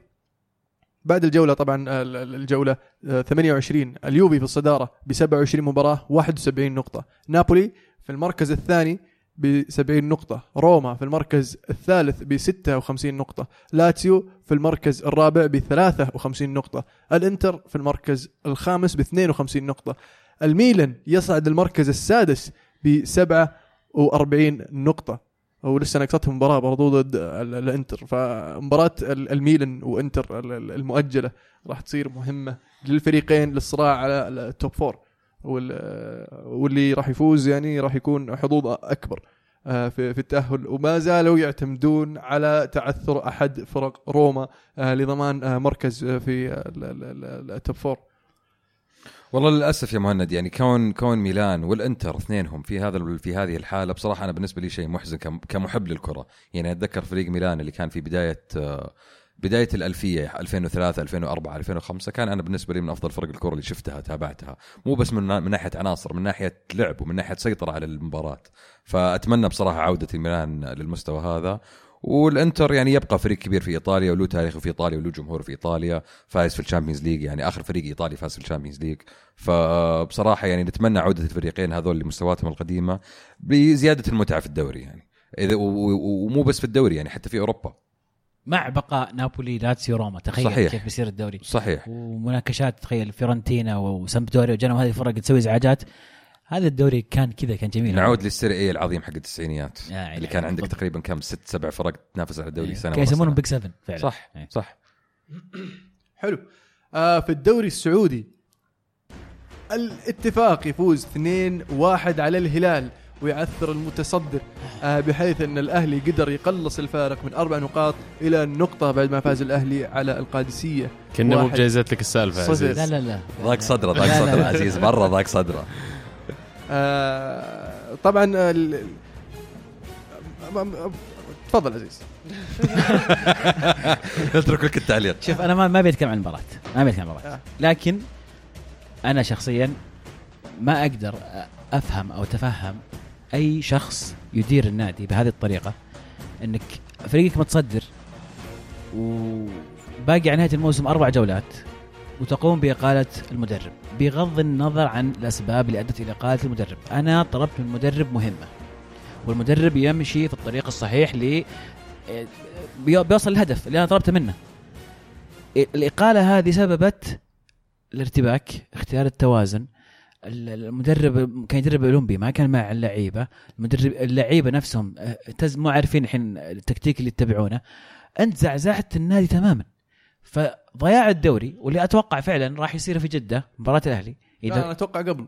هذا في مباراة بعد- القادسية يعني قبل القادسية مباراه قبل. يتحملها بشكل كامل الأمير نواف بن سعد. وإدارته. أنا ما وإدارته. أدري عفوا أنا ما أدري مين اللي يتخذ القرار. هل هو آه، نواف بن سعد أو المستشارين حقينا آه، في الحالتين يعني هذه كارثة إذا أنت اتخذت القرارات هذه آه، ما أدري شلون قاعد تفكر لأن سويتها قبل مع دونيس وما فلحت يوم إنك اقلته قبل آخر مباراة في الموسم الحين سويتها قبل أربع مباريات أربع جولات من نهاية الدوري وأنت متصدر وبفارق مريح وحاليا الفريق قاعد يسقط سقوط حر يعني وتدري وش اللي يقتلني زيادة؟ اللي شفناه اليوم في مباراة دوري أبطال آسيا. أنا ما ما ودي أشطح بعيد عن لكن الموضوع بما عن الهلال إن الهلال آخر مباراتين في دوري أبطال آسيا اللي هي مباراة الريان رايح وجاي ينزل مدرب بتشكيلة يريح فيها بعض الأساسيين تدوير. الهدف منها باعتقادي واللي ظاهر للجميع إنه يريح اللعيبة لمباريات الدوري. من متى الهلال يضطر إلى أنه يضحي في دوري أبطال آسيا عشان يضمن الدوري يضحي بأي بطولة أصلا عشان يضمن يضحي. بالضبط بأي شيء يعني معقول الهلال وصل إلى هذه المر... أنا ما مستحيل تقول لي إن هذا قرار مدرب الحالة أو انه الإدارة يعني يعني ما تقدر تقول لا, إحنا نبغى البطولتين. إن إيش اسمع إذا إذا طار دوري أبطال آسيا عادي إحنا نبي نركز على الدوري. معليش مع كل احترامي الهلال اللي أنتم الجميع يقول يقول هذا زعيم آسيا أكبر أندية آسيا. معقول تصل يصل فيه الحال إلى إنه يدخل مباراة في دوري أبطال آسيا ويريح لعيبه عشان الدوري؟ للمعلومية. أول مره سوري مقاطعة أول بس لا مرة- تقول جميع. أول كل جماهير الهلال يقولون. أول مرة يفوز الريان على نادي سعودي. أول مرة يفوز الريان على نادي سعودي في أرضه. أول مرة يفوز الريان على الهلال. فالمباراة هذه والخسارة هذه تاريخية ونقطة سوداء في تاريخك مع الهلال يا رئيس الهلال. أتفق والله أتفق معك والله أتفق. بصراحه آه، يعني إحنا كجمهور هلال ما ننكر أي جميل والأمير نواف بن سعد قدم الكثير للهلال وإحنا ممتنين له أكيد لكن في اعتقادي حان وقت التغيير للأمانة. وشيء غريب. شوف أنا كمشجع غير هلالي الهلال معتمد على نفس الأسلوب اللعب من تقريبا 10 سنين أو 12 سنة استحواذ على الكرة وغيره. يا أخي إذا اذا أنت عندك توجه آخر في الإدارة بتغيير المدربين ولا غيره من غير المجدي إنك تحط سيستم بالطريقة هذه اللعب. اول أول شيء اول أول أعمدة أو أركان إنك تلعب آه، فريق يلعب total football يلعب كرة قدم استحواذ كلية إنك يصير عندك استقرار غير طبيعي في الجهاز الفني. إذا أنت ما عندك القابلية إنك تسوي هذا الشيء على الأقل غير من اسلوب لعب الفريق شوي. جيب لك واحد يلعب direct. أما اللي صار اليوم صراحة شوي مسخرة يعني. كم دقيقة بنهاية الشوط الأول 70% استحواذ الهلال ولا شوطه على المرمى. وش الفائدة؟ آه، من جد يعني حتى صارت لقطة في آه، نهاية الشوط الأول. أذكر آه، كانت الكورة بترتد على الهلال قطاع الهلال في نص الملعب بدل ما يرتد في آخر دقيقة يعني يحاول إنك تقلص تجيب التعادل بعد ما جاء فيك بلنتي غير صحيح. يعني آه، لاعب الوسط ما حاول يفكر بالتمريرة الأمامية اللي تسوي الهجمة المرتدة. هون راح ناول اللي جنبه. يعني الحكم بيصفر الحين. فرصتك إنك تروح تهجم. دف ثرو عطى مثلث. يمكن واحد ينطلق. إذا ما انطلق بيصفر. خلاص بيشل خلص الشوط. يعني ما أدري. آه كيف تلعب محورين بعد يا أخي؟ لا أنا أرجع أقول الموضوع أنا بالنسبة لي في ممكن يكون في اغلاط فنيه ممكن في أغلاط في التشكيلة في أي شيء. لكن أنا بالنسبة لي اللوم على الإدارة لأن هي من تسببت في اللي قاعد يصير كله. بقاء دياز رغم إن لو مدر لو ولده هو اللي قاعد يدرب الفريق راح يكون أرحم بكثير من اللي سويته وإنك تقيل وتغير هذا تسوي هذه الزوبعة في الفريق. يعني ما كان في شيء يعني يضطر إنك تسوي هذا التغيير الجذري إنك والله اللعيبة خلاص بي- بيضيع عليهم شيء ولازم أغير أنا عشان أنقذهم. المو- الموضوع كان صراحة أحس إنه كان عناد فقط. طرال يقول اقاله دياس جريمة فنية حلول التهديف تكون بالتسديد أو العرضيات أو الكره الثابتة أو لعب بالعمق كلها غير موجودة بس عرضيات فاشلة وتمريرات غير مؤثرة تضيع وقت. الشلهوف فقط هو من يختصر التمرير للأمام وخطره الإدارة قتلت الهلال. ياسر أقوى sprint لجل بلنتي أيضا استجمام النخاع يقول هل هذا ما يسعى عليه الهلال بعد إقالة دياز؟ قرار دياز مثل الطعنة في صدري وبتكمل شكلها بخروجا من المجموعات وضياع الدوري حسبي الله ونعم الوكيل. واضح إن الجميع مستاء. هو بشكل عام يعني إقالة المدرب يعني تكون دائما في حالة إنه الفريق فيه إخفاق. فمسألة إنه الفريق يعني متصدر الدوري وما بقى لك إلا شوي وماشي كويس بصراحة يعني من يعني أنا مالي في في, في الكرة المحلية بصراحة كثير بس يعني ما أدري وش قاعد يسوون إدارة الهلال يعني. فعلا. آه يدعي أنه يفهم في كرة القدم في الأخير يأخذ قرار عاطفي. آه يعني يا- يأخذ جمهور ال ال ال ال الهلال في لحظات آه يعني صعبة شوي. لما أسولف مع مع واحد آه يعني عاطفي في في مواضيع كرة القدم آه، لما يخسر ال- ال- الفريق على طول يقلب على المدرب ما ينفع آه، شيل المدرب اقلعه. طيب وش يا أخي مو بكذا الأمور تدار يا أخي أنت قاعد تدير نادي له جماهيرية في العالم العربي مو بس في, في, الرياض. مو بس نادي حاره هو والله شيل المدرب جيب جيب واحد ثاني ما, في كويس ودي بيت. والله ما أدري وش النظام يعني. أنا أشوف إن حان الوقت إنه مو بالمدرب ينشال اللي حطه واللي شاله ينشال. أوف أوف أوف تصريح كبير يا المو والله حان حان. عموما واضح يا عبد الله إن جماهير الهلال مستاء جدا واضح جدا يعني, يعني والله إحنا حاسس كلنا كلنا, فيهم كلنا. ضربنا نفس الشيء. كلنا طلبنا نفس الشيء هذا اللي نشوفه إحنا يعني. والله حاسين فيهم فعلا يعني والله ما يرضيني صراحة يعني أشوفكم حزينين كذا. ما النصر. يفوز على الشباب. إيش يسوي كذا؟ إيش يسوي؟ النصر يفوز على الشباب في مباراة مؤجلة 1-0 وفي مباراة الجولة هذه يفوز على الاتحاد 3-1 في جدة. النصر يقدم مستويات رائعة آه، في الفترة الأخيرة وبات عن بعد نقطة واحدة لضمان المركز الثالث المؤهل المباشر إلى دوري الأبطال. آه، صحوة متأخرة نوعا ما للنصر آه، لكن أحسن من ولا شيء. وفعلا ابتعد عن المنافسين واستغل آه، تعثر الفيصلي في الفترة الأخيرة والظروف اللي يمر فيها الاتحاد آه، ال- ال- النصر يعني آه، ضمن المركز الثالث؟ لا لسه باقي لنا نقطة. الظاهر. بس حتى حتى النصر مر في ظروف كثير هالموسم فالحصول على المركز الثالث أتوقع نتيجة إيجابية جدا. آه العتب بس إن ما نافسنا على الدوري بالذات إنه كان فيه مجال. الدوري كلنا قاعدين نقول الموسم هذا الهلال مع إنه انطلق في البداية وصار فيه فرق بينه وبين أقرب المنافسين لكن كنا دائما نعيد إن الدوري ما انحسم باقي لين يمكن آخر جولة ينحسم فيها. وهذا اللي قاعدين نشوفه الحين في صراع ثنائي ما بين الأهلي والهلال. كان ودي إني أشوف النصر ضلع ثالث في المنافسة هذه. فعلا. الموسم الجاي إن شاء الله. فعلا الموسم القادم يعني آه، إدارة الكثير- جديدة. آه، الكثير آه، يتوعدون بموسم مختلف. وأولهم طبعا آه، تركي آل الشيخ بموسم مختلف لنادي النصر آه، وسلمان المالك. أو و- فعلا. وأعلنوا توقيع مع لاعبين في خط الوسط أنا ما أذكر أساميهم حاليا. من آه، الفيصلي. إي النصر. فالمفروض انه يعني في تحركات قاعد تصير داخل النادي. أعضاء الشرف قاعدين يطلقون وعود إن الموسم الجاي فعلا بيصير مختلف. وبندعم النادي كلنا. أول مرة تصير إدارة من من من وقت طويل جدا. أتابع النصر من التسعينات من بداية التسعينات. فأول مرة تجي إدارة نقول مستقلة تماما عن إرث النادي. مستقلة تماما عن اللي كنا نشوفه قبل آه، يدير النادي. حاليا أنا متحمس صراحة إني أشوف سليمان المالك إيش يسوي. مع ان اداره قد تكون انتقالية لكن أتوقع هذا عصر جديد لجميع أندية كرة القدم السعودية.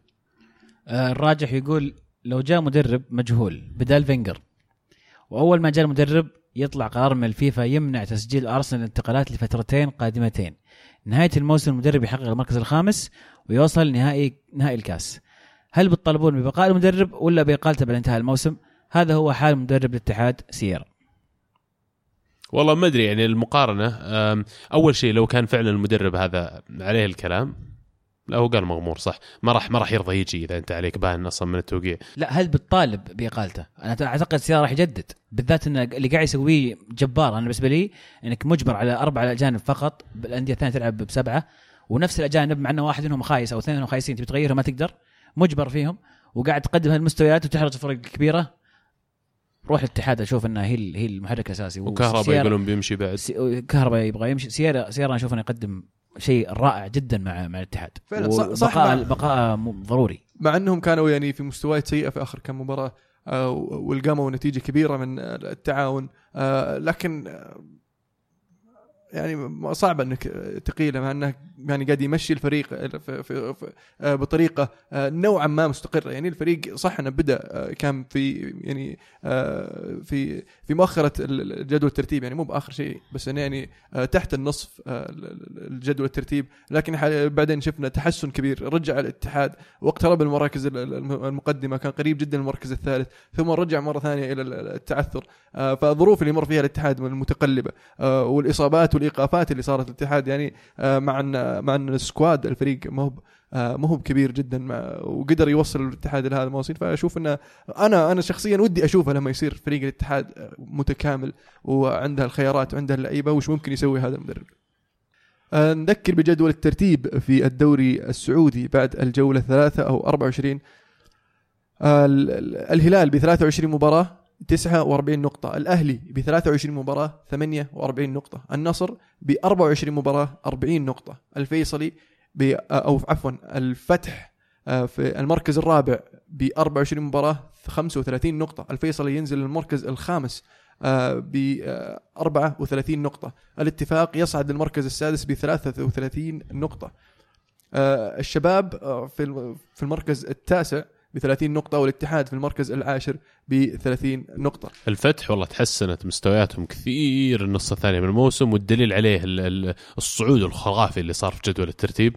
إن شاء الله الموسم الجاي يكملون على الشغل هذا الممتاز اللي قاعدين يقدمونه. ما اعطينا الاتفاق حقهم. آه، فوز مهم على الهلال. سعد الشهري من يوم جاء أعتقد إن المباريات كانت كلها إيجابية. ما أعتقد إنه خسر. آه، مدرب ممتاز. تكلمنا عنه في حلقات ماضية واللي قدم الاتفاق يثبت هذا الكلام. أيضا الشباب قال كارينيو. غريب يعني القرار. سريع. يعني أتوقع هو يبغى يمشي أو ما, جاز له الوضع أو في شيء غريب صاير. ما فعلا لأن آه، شفنا تحسن مع كارينيو آه، بس آه، في الأخير مشوه ووقعوا مع ال- ال- ال- القروني ف كل التوفيق للمدرب السعودي. حول العالم؟ شو عندنا حول العالم؟ حول العالم في عندنا بايرن ميونخ فاز 6-0 على هامبورغ. مباراة أبو كلب ريبيري وروبن اللي أنا بصراحة يحزنني هامبورغ فعلا هامبورغ من الفرق اللي يعني كل ما لعب مع بايرن في ملعب بايرن ينصقع بنتيجة كبيرة يعني وصلت لتسعه إذا ماني غلطان يعني 7 0 6 0 8 0 و9 0 9 0 أقول لك معلومة آخر خمس مباريات بينهم في الملعب اليانز آه كلها هزايم طبعا الهامبورغ والظاهر مجموع 45 جول. يا إلهي. بس يعني دائما نتكلم عن هامبورغ هامبورغ لهم كم سنة على وشك يهبطون بعدين ينقذون نفسهم في آخر لحظة. أعتقد إن الجميع الآن يبيهم يهبطون. خلاص. والله ما قد هبطوا ترى. ما قد هبطوا. اي خلاص. طيب آه، كفاية. يعني يعني كل سنة يجون بيهبطون بعدين ينقذون مواسمهم بطريقة غريبة كيف آخر لحظة. يعني يا, يا في البلاي اوف يا يعني فجأة كذا. فأتوقع السنة هذه آه، خلاص. بس هامبورغ يعني من الفرق اللي تاريخيا في الدوري الألماني لها ترى وزن. ثقيل. يعني يعتبر تقريبا مقارب لأستون فيلا من ناحية إنه فاز بطولات أوروبية وفاز بطولات محلية في الثمانينيات. بس للأسف يعني في الوقت الحالي على الرغم إنها مدينة كبيرة النادي شكله ما في استثمار. غريب فلاي Emirates راعينهم ترى لو سمحت أستون فيلا أنت في. England ولا أنت في إيه، إسبانيا؟ نعم. سمحت. راح بندقق لأنه عليك عندنا بروسيا آه، عفوا باير ليفركوزن فاز 2-0 على بروسيا مونشن جلادباخ ودورتموند تعادل تعادل دورتموند صح؟ لا، دورتموند دورتموند فازوا 3 2 3-2 صح صح تعادل هدف. هدف باتشمان. على آينتراخت فرانكفورت باتسمان باتمان دقيقة فرانكفورت سجلوا 93 هدف هدف التعادل كان في دقيقة شيء و90 يعني بعد وهدف الفوز كان هدف 93 فعلا. آه، بيت شواي دخل دقيقة 62 سجل هدف في الدقيقة 77 ثم هدف الفوز آه، في الدقيقة 94 بعد ما جابوا التعادل في الدقيقة 91 فعلا وحش آه، هاشتاج. فرانكفورت هاشتاج باتسمان هاشتاج باتمان يعني for باتسمان. باتسمان for the وين for the win king شواي. يا سلام. نذكر بجدول الترتيب في الدوري الألماني. طبعا بايرن لحاله في الصدارة ب 66 نقطة، شالكة في المركز الثاني ب 46 نقطة، دورتموند في المركز الثالث ب 45 نقطة، باير ليفركوزن في المركز الرابع ب 44 نقطة، شوف كيف ملحمين في بعض. يعني أي واحد يخسر ممكن يطلع من ال Champions League لأنه في آينتراخت فرانكفورت ب 42 نقطة في المركز الخامس، لايبزيج في المركز السادس ب 40 نقطة.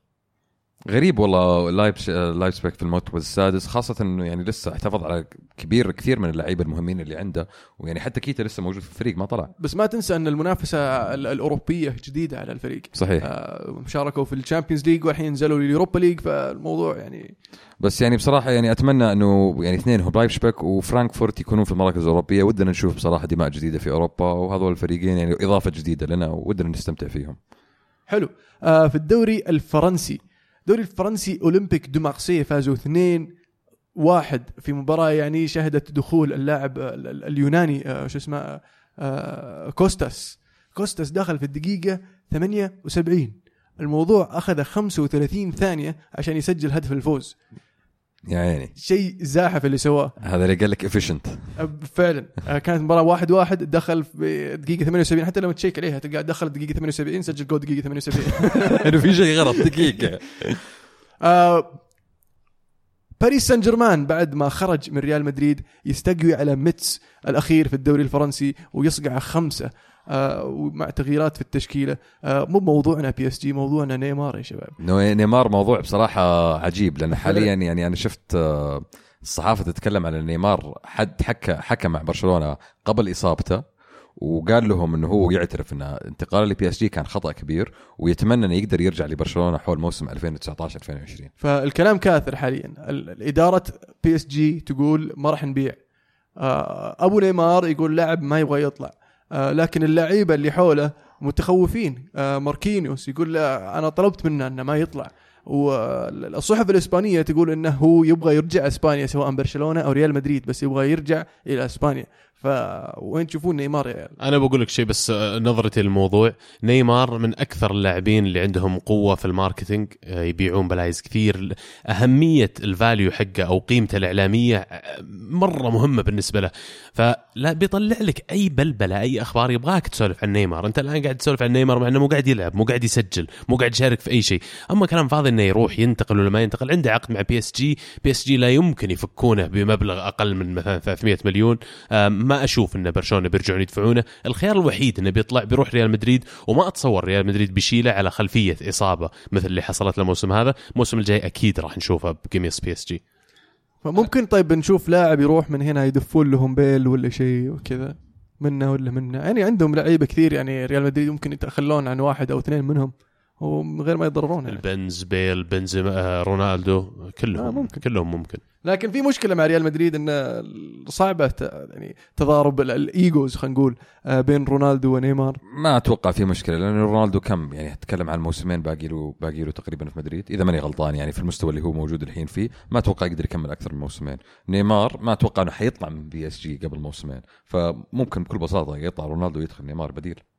ممكن ممكن. بطل وبصل؟ بطل وبصل. بطل وبصل تفضل يا ضيف طيب أنا كوني جديد على المسألة فممكن يعني شوي أشطح عليكم. أنا بالنسبة لي بطل الأسبوع هو السيري اي بكامله. حركة ان أجل جميع المباريات لسبب موت اللاعب أستوري اللي هو كابتن فيورنتينا. أنا بالنسبة لي هذه حركة جدا محترمة. وغير إن الوقفة اللي وقفوها جميع الأندية عند عودة الجولة الجولة بعد ما أجلوها كانت بالنسبة لي بصراحة لحظة جدا مؤثرة واحترم الدوري على الحركة هذه. البصل بالنسبة لي ممكن يكون يعني في عندي أكثر من خيار بصراحة، الخيار الأول هي إدارة نادي وست هام اللي زي ما شفنا مباراة وست هام الماضية صار في يعني شغب جماهيري ونزلوا الجماهير الملعب، وصلت لحد إن عندك واحد كابتن الفريق مارك نوبل تخانق مع أحد من الجماهير. وشفنا أحد الجماهير وصل إلى نصف الملعب وحط علم في نصف الملعب، فأنا بالنسبة لي إدارة وست هام هي اللي سمحت للمجموعات الجماهيرية إنها توصل المرحله هذه بسوء إدارتها لجماهيرها وسوء إدارتها للموقف، فبالنسبة لي إدارة وست هام I don't know what you're doing بصراحة. الهدف؟ الهدف بصراحة أنا كثير عجبني هدف آه، فاردي. الجولة هذه كان assist من آه، محرز من من خلف نصف الملعب. جت الكورة طايرة وقبل بدون ما ي... بدون يعني ما يستلمها بدون ما يثبتها على طول حطها في المرمى جول. بصراحه قبل ما تلمس الأرض قبل ما تلمس الأرض. يعني تشوف حتى تشوف الإعادات إن فاردي قاعد يتابع الكره يتابع الكره يتابع الكره وهي نازلة ما ما حتى ما اضطر يطالع في المرمى. عارف المرمى وينه؟ ناصي المرمى قدامه حط رجله في الكره والكره جول. فبالنسبة لي هدف جميل رائع من اثنينهم محرز وفاردي. عبد الله؟ بالنسبة لي أنا ببدأ بالمقلوب. هدف الأسبوع تشيرو إيموبيلي. هدف رائع بالكعب في آخر مباراة.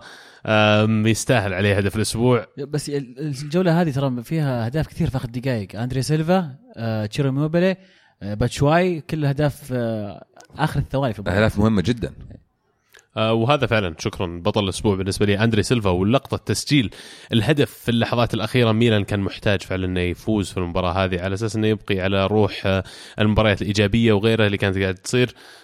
وبالنسبة لي بصل الأسبوع أنا مضطر أعطيه واحد في ليفربول. مرة يؤلمني إني أقولها لكن بصل الأسبوع صلاح مكسر الدوري طول الموسم. وبعدين في يونايتد ما تلمس الكورة. لا تلومه روق عاد روق أشلي يونغ مو هو باليساندرو نيستا هي ترى. مو مو بالفكرة على أشلي يونغ بس الفكرة المنظومة. تكتيك الفكرة تكتيك المنظومة مورينيو. اللي مضبطها مورينيو. صحيح. أساس إنه آه، صلاح ما يتنفس. بطل الأسبوع تفضل. بالنسبة لي تسمح لي اثنين يا مهند ولا؟ والله أنا أسمح لك بصراحة عشان المرة الجاية تسمح لي. في في بطل يعني يستاهل بيتر تشيك آه، 200 clean sheet آه، أول بلنتي مع أرسنال أيضا فهذا شيء جميل. لكن القصة الجميلة صراحة اتلانتا يونايتد آه، نادي أمريكي جديد في أول مباراة لهم في أرضهم 72 ألف حضروا المباراة. يا إلهي. أنا أنبسط مرة لما أشوف إن الكرة لها شعبية في بلد كانوا يقولون إن ما ما حد يحب الكرة. فقاعدين نشوف الكرة تكبر في كل مكان وترى أمريكا فيها سوق كبير لكرة القدم بس وهذا يثبت شيء هذا لكن إلى الآن ما بعد نشوفها بشكل كامل. الحلو الحلو في أمريكا انه يعني خليك من خليك من الرياضات الأخرى. عندك كثير جماعات يعني آه، اللاتين آه، اللاتينيين عندك المكسيكان عندك آه، ناس جاي من وسط أمريكا ومن جنوب أمريكا. ترى هذول اللي هم اللي يجيبون شعبية الكورة في أمريكا. فأتوقع هذول يعني لهم جزء كبير في انتشار الرياضة في أمريكا وزي ما زي ما قلت أعداد الجماهير الهائلة هذه. فعلا. آه بصل الأسبوع إدارة نادي الهلال. بدون أي آه ما أحتاج أشرح يعني. هدف الأسبوع هدف ريبيري الثاني. آه هدف من طقطقة جميلة خش بين أربعة وحطها جميل نشوف ريبيري وروبن كذا يخلعون نفس المباراة. ذكريات جميلة للبايرن. حلو. لكن كثير يقول خلاص آخر موسم لهم يعني. ترى من صار لهم ثلاث أربع سنين يقول هذا آخر موسم آه. لهم. أتوقع إن هذا آخر موسم لهم. خلاص أنا بدوا يخلصون. آه بالنسبة لي بطل الأسبوع ال 11 لاعب اللي كانوا آه لابسين أحمر في الأولد ترافورد آه قدموا أداء جميل وردوا على المشككين والمقللين من مانشستر يونايتد ومن مورينيو ورجالاته. آه بالنسبة لبصل الأسبوع آه جيمي كارجر. اللاعب الأسطوري آه، بالنسبة لليفربول الذي آه، بصق على أحد مشجعي مانشستر يونايتد آه، الذي بصق والله. عرفنا اسم الحلقة واضحه ف ولا- وال- العجيب انه يعني الحدث مصور يعني.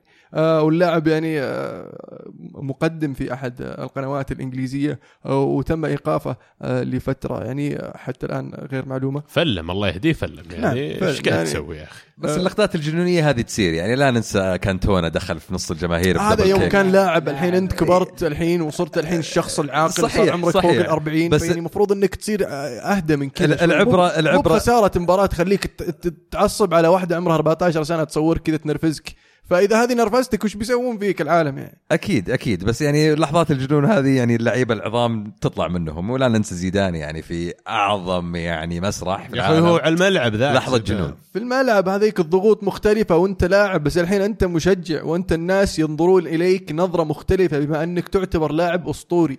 عرفت؟ ففي عندك برضو image لازم تحافظ على ال image حقك لأنك أنت تطلع في التلفزيون تحلل المباريات وفي ناس ما زالت تخاطب معك وناس تاخذ وكابتن وزحمة أي. وخبرة وجاي وآخرتها مستفزت كذا يا قسم بالله يا تفكر. آه عموما هدف الأسبوع هدف ماتيتش اللي سجل على كريستال بالاس في آخر الدقائق. ال- في صورة كانت لقطة جميلة للحظة ال- ال- ال- لحظه الهدف. آه الصورة كانت من وراء. من وراء المرمى. آه لوكاكو يأشر على اليمين يقول له ناول هناك. آه من وراه من الخلف كذا بعيد سمولينج يأشر على اليسار يقول له ناول هناك. قدامه ال- الحبيب سانشيز يقول له هد اللعب ناول الكورة. ماتيتش يناظر في الباب. عرفت اللي وخر عني بشوف فيستاهل هدف الأسبوع خاصة إنه جاء في وقت آه، قاتل هدف ماتيتش مو بالاسبوع الماضي هدف ماتيتش يعني أنا أكون معك إذا تبي نستخدم التكنيكية في الموضوع. أيوه. الهدف سجل يوم يوم. الثلاثاء. الثلاثاء مو اي كانت الدقيقة 93 الساعة واحدة إلا فجر الثلاثاء عشان نكون يعني واضحين في الصراحة. المملكه العربيه السعودية نعم. وليس في إنجلترا ما علي من إنجلترا أنا شفتها يوم الثلوث الهدف طيب تكنيكيا أنا بس. يعني أحب أعطي ملاحظة إنك يعني لخصت كل شيء في مباراة واحدة أو في فريق واحد خلينا نكون واضحين يعني والله أنا أشوف إنه نستاهل يعني بصراحة واضح آه. ما شاف غيرها هو. ما حد يبي يعطي بصل لرئيس باوك اللي نزل لا والله بيني وبينك أنا لو بعطيه بعطيه بطل. أقطع ما. يشوف يا حبيبي هذا الظلم أنزل أخذه بسلاحي يا أبوي. بس ما ما طلع يعني. ما. طلع سلاح يعني وهو مربوط في ال- في الحزام حقه. يعني هو قاعد يتمشى وفي سلاح في حزامه. يعني وش دخلك الملعب؟ معك سلاح بالشباب ذكرني ذكرني بواحد في الكويت نازل الملعب وملغي بلنتي ذيك كأس. العالم 82 كانت عموما آه تم إيقاف آه، الدوري اليوناني إلى أجل غير مسمى. الدوري كله؟ دوري نعم. مو باوك أو لا رئيسه لا لا لا الدوري اليوناني يوقف ما في كورة. مين وقفهم طيب؟ ال- اليويفا الاتحاد الأوروبي. عاد عندهم لاعبين. كويسين ترى في الدوري اليوناني. ف... بس ما له حق الاتحاد الأوروبي ما يقدر يوقف الدوري اليوناني. وش اللي نازل بالفرد يا أبوي؟ وش وين فيه؟ هي بس ما عنده ص... ما عنده. صلاحية ما عنده سلطة عليه. توقف الدوري الداخلي. اولمبياكوس ما شلون ما عنده مشاركة أوروبية أوكي بس الدوري الداخلي ال... الاتحاد الأوروبي ما عنده صلاحية إنه يوقف الدوري ما يقدر مو على كيفه ممكن أو ال- منعهم من المشاركة خليني اي خليني هذه. ممكن يعني أشوف أنا إجحاف صراحة في حق الدوري اليوناني والأندية الأخرى وجماهير الدوري اليوناني آه، غلطة رئيس النادي فأنت يا توقف النادي أو توقف رئيسه بس انه توقف الدوري كله فما أدري إيش. وأنا مالي دخل عرفت إيه. ذاك مفلم نازل الملعب بسلاح أنا إيش دخلني إيه طيب واللي يغبط طيب اللي متصدر بيفوز الدوري يا أخي وش ذنبه؟ وش ذنب الجمهور اللي متحمسين؟ أنا ما أدري مين متصدر يمكن يكون باوك متصدر. خلاص عرفنا. عفوا عفوا. ال- ال- الحكومة اليونانية وقفتها ووقفت الين ما يصير في اتفاق واضح على آليات يتفقون عليها جميع الأندية على أساس المواقف هذه ما تنعاد مرة ثانية. يعني الاتفاق لازم يكون إنه ما حد يجيب فرد. يعني لو سمحتوا. حاولوا ما. تنزلون الملعب. رقم واحد وإذا. نزلت لا يصير عندك فرد يعني معليش أهدى شوي. أول شيء لا تنزل الملعب. لو سمحت الملعب اللي يلعبون كورة. ما لك دخل خليك برا. وأتوقع القرار هذا ما حصل إلا بعد ما فيفا هددت الاتحاد اليوناني أنها تطرد اليونان من جميع منافسات فيفا إذا لم ما لما اتخذوا الخطوات المناسبة لحل مشاكل زي هذه. فأتوقع بصراحة قرار يعني في محله إذا ما إحنا غلطانين ما حد بده يشوف فرد في الملعب يا عيال. ف... طبيعي آه، طبيعي. طبيعي جدا نعم. حلو. آه هاشتاج الحلقة؟ هاشتا- هاشتاج الكرة معنا. هاشتاج الكرة معنا. تفتح لنا أبواب المهم ترى إيه، الموضوع. تو متعود متعود. هاشتاج الكرة معنا. تفضل. آه ابرا يقول بعد تالق المان يو والانتصارات المستحقة وش الأسماء اللي لازم تتعاقد معها بالميركاتو القادم؟ والباقي بيجيك علم يا ابرا الباقي باقي باقي تقريبا في, وجهة نظري آه، آه، خليفة آه، واحد يخلف كاريك اللي قلته في الحلقة الماضية يا عبد الله أن مكتومني ممكن يخلف كاريك ما ينفع. مكتومني ممكن يخلف فيلايني ياخذ مكان فيلايني كلاعب physical محور دفاعي. لكن كاريك يعني مهامه أكبر وأعظم وأكثر من انه كذا واحد بس حي قوي الله يقط- واحد قوي كذا. يقطع كور آه فعلا. لا لا هي كويس في ال passing مكتومني يا أخي. آه ما هو بزي كاريك. أنا كاريك أشوفه من طراز آه بيرلو وتشابي ألونسو. ما أقارن روق، بينهم ما. أقارن بينهم. لا تجي واحد جاك المانشستر ما. أقارن بينهم. أنا ما قلت إن كاريك أحسن منهم. أنا قاعد أقول إنه من طرازهم. اللاعب اللي محور يوزع كور آه يلعب آه يتحكم بالمباراه آه ف آه تبغى تبغى واحد يعرف يقرأ اللعب يعرف آه يسيطر على المباراة على أساس إنه آه ياخذ مكان كاريك أنا أقبل التشبيه هذا معك منهم.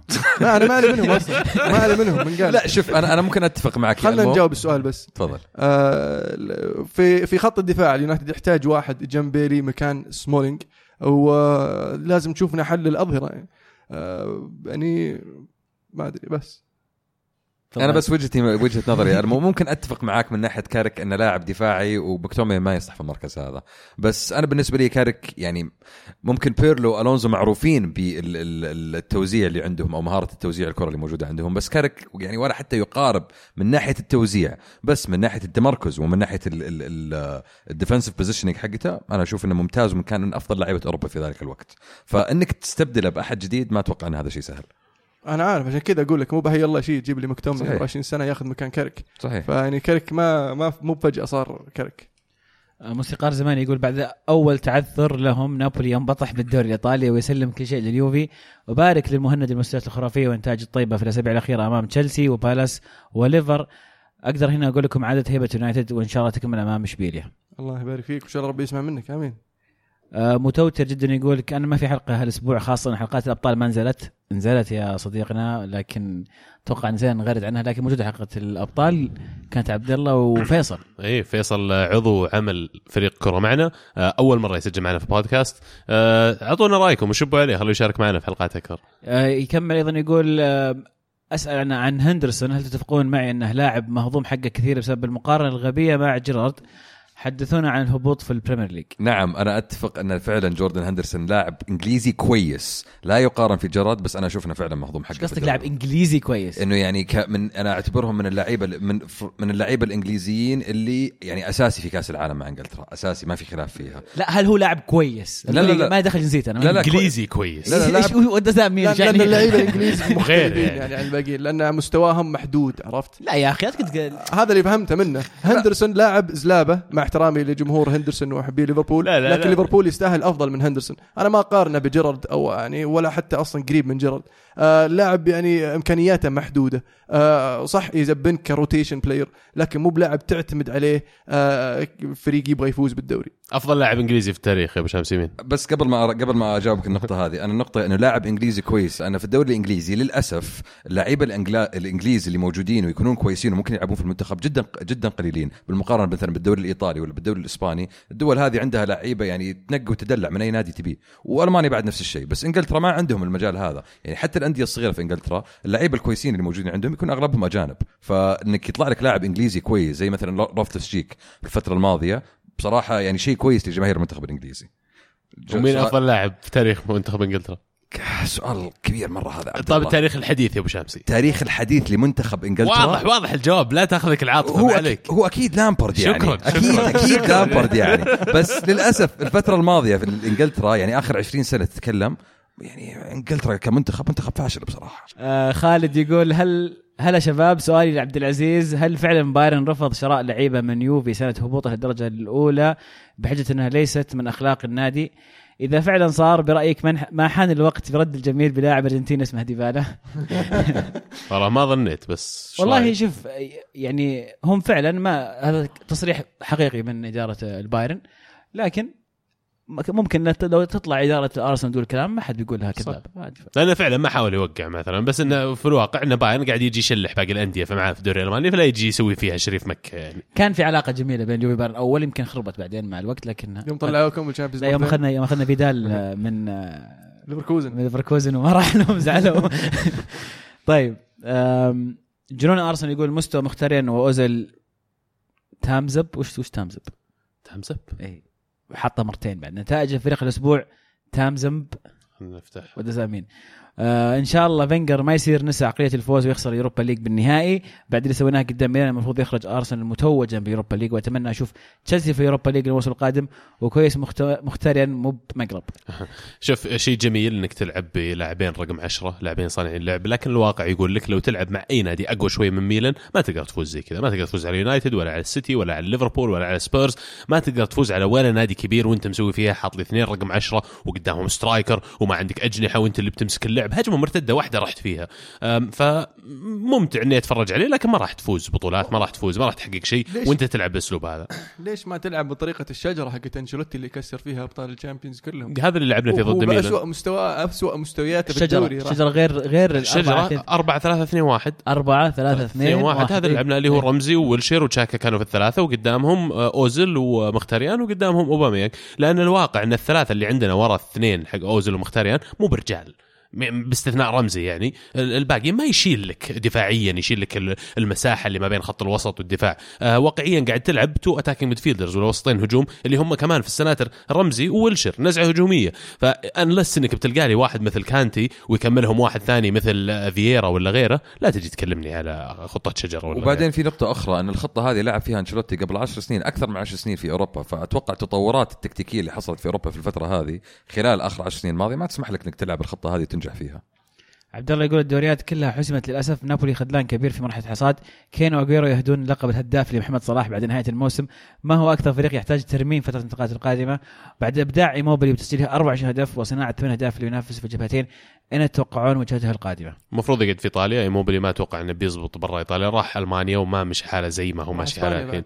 راح سبين بعد صح. آه، فأتوقع إنه بيجلس في إيطاليا. إنجلترا الحين خلاص. آه، ما ينجحون يا أخي المهاجمين الاطليان العادة في أنا انجلترا أشوف يقعد. زازا آخر واحد. المفروض يجلس. قبيديني الحين مع ساوثهامبتون يبيديني ترى آخر حالة. استثنائية هو. بالوتيلي. بيلي اللي بدأ أبدع مع أوه ساوثهامبتون صح صح بس بس كان يعني في بدأ زولا بداية فيالي كويسة. كان في صحيح اسماء صحيح. فعلا. الطليان موجودين في الدوري الإنجليزي أغلبهم لهم كويس في الدوري مثلاً. الإنجليزي. ديماتيو أكثر فريق يبي له ترميم فترة آه، الانتقالات الجاية. نظري. طبعا أرسنال ما فيها كلام ذي. على الناس اللي بيطلعون من والناس اللي المدرب بيجلسون. إلين تشك. هل اسمع خل نروق الحين نشوف إيش نقدر نوصل له. بس عطنا راشفورد. هل محمد صلاح اقترب من لقب هداف بإصابة اجويرو كين؟ أتوقع خروجه من الفورمة آخر مباراة مباراتين ممكن يصير خطر عليه. بس إلى حد كبير هم 24 هو كين. كين بيرجع لك في آخر ثمان مباريات ولا تسع مباريات إيه، وبيسجل لك هاتريك كل مباراة وبيرجع ياخذ مباراتين. ورا يسجل لك أربع أهداف. الصراع الصراع على هداف أوروبا حامي. 24 إيموبيلي 24 كين 24 صلاح 24 ميسي و24 كافاني. ولسه 23 بعدهم على طول اللي هو آه، ليفاندوفسكي. ميسي مو باعلى واحد. ميسي 24 الكل 24 مم. والله بصراحة ميسي أكثر أتوقع نتمنى كلنا نشوف صلاح هو هداف يكونوا يعني رجل آه، بيكون أول عربي يعني وصل إلى هداف أوروبا وليس مجرد هداف إنجلترا أبو مكة يستاهل وأتوقع ان إنه قدها أبو صلاح أتوقع إنه. قدها نعم. يستطيع آم، سلمان يقول مع غياب بوجبا لمباراة اشبيليا هل يوجد فرصة لنا التأهل أمامهم ونق- والتقدم إلى الدور الثمانية؟ أكيد آه، نلعب في مسرح الأحلام. آه الحظوظ في آه آه في, في يد اليونايتد. يعني مورينيو حط نفسه في موقف آه صعب شوي بأنه ما قدر يسجل هدف ال away goal آه فحاليا لازم يروح all in ويحاول يخطف ال- ال- الفوز يعني من بدري. بس للأسف ع- معرفتنا مورينيو ما حيلعب كذا. مورينيو مورينيو حيبدأ بخطة دفاعية حيكون جدا متماسك. ممكن يبدأ يلعب بشكل دفاعي الشوط الأول كامل يبدأ في الشوط الثاني يبدأ يفك شوية يحاول يخطف له هدف إذا ما نفع ما عنده مشكلة ما يروح بلنتيات. عندهم. راشفورد هالسلقه بيطلق على الطرف اليسار. يا حبيبي بيروح يسجل له هاتريك. راجع. كلام كبير. سانشيز موجود. بس يعني إشبيليا آه فريق- بوجبا مو بكل الفريق يعني شفنا مكتومني كيف آه مع ليفربول في كلاسيكو الأرض على قولة آه، صديقنا اللي مسكين تقطع شرايينه للحين. ف بس إشبيليا يعني من الفرق الأوروبية اللي عندها خبرة يعني من أكثر الفرق اللي عندها خبرة أوروبية في الفترة الماضية فابدا مو فريق تستهون فيه. صحيح صحيح. ما ما حد استهان في إشبيليا يعني, يعني الطريقة اللي لعب فيها مورينيو قدام إشبيليا توضح لك إنه غير مستهين فيهم ابدا. عندهم نقطة ضعف واحدة بس إشبيليا. إنهم ما وقعوا مع ولا لاعب سعودي في فترة انتقالات الشتوية الماضية. تفتح الموضوع ترى أنا قا- قافلة عموما بس دام دام فتحته عثمان مروان آه، لعب مع ليجانس الشباب وسجل الهدف آه، الهدف الثامن فاز 8-0 مين عثمان مروان اسمه؟ اي لاعب من المواليد لعب مع يلعب مع ليجانس بي. صح عليك يا عثمان. والله يا أبو مروان إن شاء الله فالك آه، الفريق الأول والليغا لاعب إن شاء الله. صغير شاب. وهذا اللي. هذا اللي قال لك ختامها مسك. الهدف الثامن وبعد الهدف الثامن بلنتي كان ما أقول لك، نعم، ختام بلنتي. والله. يعجبونك. ختامها مسك الحمد لله يعني آه، معاذ يقول في نقطة أو مقياس جميل جدا قالها عبد الله في أحد الحلقات على السعر الفلكي لكايل ووكر لا تناظر المبلغ اللي دفعته بس شوف سعره يرتفع الحين ولا نزل سؤالي من أكثر اثنين لاعبين ارتفع سعرهم والعكس في أنديتهم وشكرا محمد صلاح محمد ما. يبي لها كلام 37 مليون واليوم لو ينباع ما دون ال 150 140 150 أكيد. إيه بقى لاعب ثاني. أنت فكر باللاعبين اللي انتقلوا بقيم قليلة. محرز. محرز ب 500 ألف شارين هذولي من لي هافر والآن لو بيبيعونه يسوى له يعني at least 60 مليون أقل شيء بالموسم الماضي كان عندك 120 ضعف الموسم الماضي كان عندك بيلوتي الموسم هذا ما أتوقع للأسف. بيلوتي وصل نفس هاري المستوى كين هذا هاري كين ممكن نقول إن هاري كين بالنسبة لي كان على فكرة عبد الله هاري كين ترى من براعم ارسنال ما كنت تعرف. المعلومة هذه وكراشو يقول لك لأنه كان متين شوي بالضبط فأتوقع هاري كين. يعني آه، إذا ينباع حاليا في السوق هذه لا ما لا يقل عن 175 مليون 200 200 يا رجال باليورو 200 مليون إيه ما هذا. فيها كلام ذي إيه. سؤال أخير من صالح بافاري يقول لو خرج تشيلسي من الأبطال وأنهى مركزه خارج ال top هل سيقال كونتي؟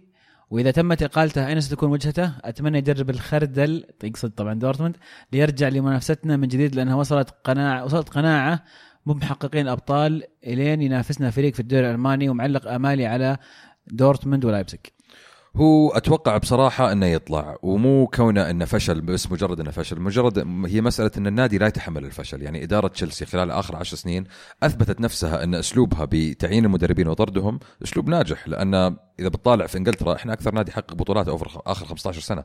فإذا فشل وما تأهل ال top four وإذا طلع من ال Champions بالراحة أتوقع إنه يطلع. والله إحنا نشيله بعد أرسنال يشيلونه ممتاز ينفع لنا. ما ما أشوف إنه ممكن يروح دورتموند للأمانة. أشوف آه، وجهته القادمة آه، قد تكون في إيطاليا. أو آه، المنتخب الإيطالي. منتخب إيطاليا أتوقع خاض التجربة ولم تكن يعني يعني ما كان مبسوط كان أتوقع في مشاكل. كثير. الاتحاد الإيطالي أصلا الآن في حالة تخبط تام ما عندهم رئيس ولا عندهم أي شيء فضايعين. ف وما أشوف إن الوقت مناسب إنه يجرب إيطاليا. ممكن ينتظر بعد سنتين لما يكون الوقت أقرب إلى كأس العالم. لكن أشوفه أقرب شيء الميلان بالذات مع تخبط جاتوزو. آه، يبقى السؤال هل مستعدين يدفعون راتب كبير لكونتي؟ آه، ميلان بعد بالذات إذا ما تاهلوا Champions يعني غباء إنك تنفق على تشكيلة كاملة 200 مليون ولا 150 مليون ثم تجي تقول لا والله المدرب بوفر شوي. أهم شيء أجي أحط على المدرب أجيب مدرب عليه الكلام واللاعبين ما عليك ويضبطهم لا خلينا نكون واقعيين ما- مو بما في إلا لاعب واحد زي آه، أندري سيلفا ولا ما في إلا لاعب واحد زي كيسي. لو تروح تدور بتلقى لك واحد تشتغل عليه شوي بيطلع زيه ولا أطلق منه حتى. فالمدرب هو الأساس أنا بالنسبة لي. وبعدين الحق ينقال يعني كونتي اللي سواه في تشيلسي لما فاز الدوري أول موسم له ترى كان مجهود جدا كبير. يعني اللعيبة اللي كانوا عنده ما كانوا لعيبة متميزين. كان في فرق في الدوري عندها لعيبة أفضل مننا بكثير بس قدر ياخذ اللعيبة هذه وجاب لعيبة ما كانت موجودة. يعني مثلا فيكتور موزس حوله إلى wing back اللاعب كان كان جناح pure. فعرف انه يسوي الشيء هذا وجاب لعيبة كانت في الدوري الدوري الإنجليزي زي ماركوس ألونزو. يعني سمعتها جدا سيئة وخلاهم من أفضل اللعيبة في مراكزهم. فإذا قدر يسوي الشيء هذا في تشيلسي ليش ما يسويه في ميلان؟ فعلا هذا هو هو كونتي typical كونتي هذا طريقته. آه، مراكز غريبة لعيبة أصلا ما تتوقع إنه وش جايب اللاعب ذا وش يبي فيه. فجأة يعني يوظف بطريقة صحيحة أو تناسب ت- طريقة لعبه. آه، ما ما أتوقع ان نشكك في قدرات كونتي وأكيد راح ينجح آه، أتوقع مع ميلان. أتوقع إذا كان في ميلان بيكون مكسب كبير لهم وممكن. بالراحة ينافسون على الدوري. ما أقول لك يفوزون بس بينافسون على الأقل. يعطيكم العافية. بقية الأسئلة تحدثنا عنها في خلال حديثنا في الحلقة. آه، شاركونا الأسبوع القادم على نفس الهاشتاج الكورة underscore معنا. راح يكون في حلقة إن شاء الله في وسط الأسبوع عن ال Champions League. المباريات الإياب نهاية الأسبوع. نهاية الأسبوع. وسط الأسبوع نهاية الأسبوع الجمعة وسبت جمعة سبت نهاية الأسبوع. بس إحنا الحلقة الخميس. في وسط الأسبوع.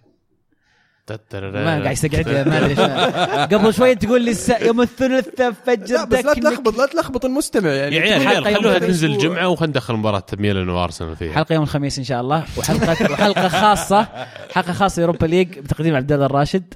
مستقل يمكن يكون وإذا أو- يمكن تلقى لك واحد يحب الميلان ممكن. تسولف معه. ممكن واحد يحب ال Europa League. ممكن. ممكن. لقيت. أحد يحب ال Europa League.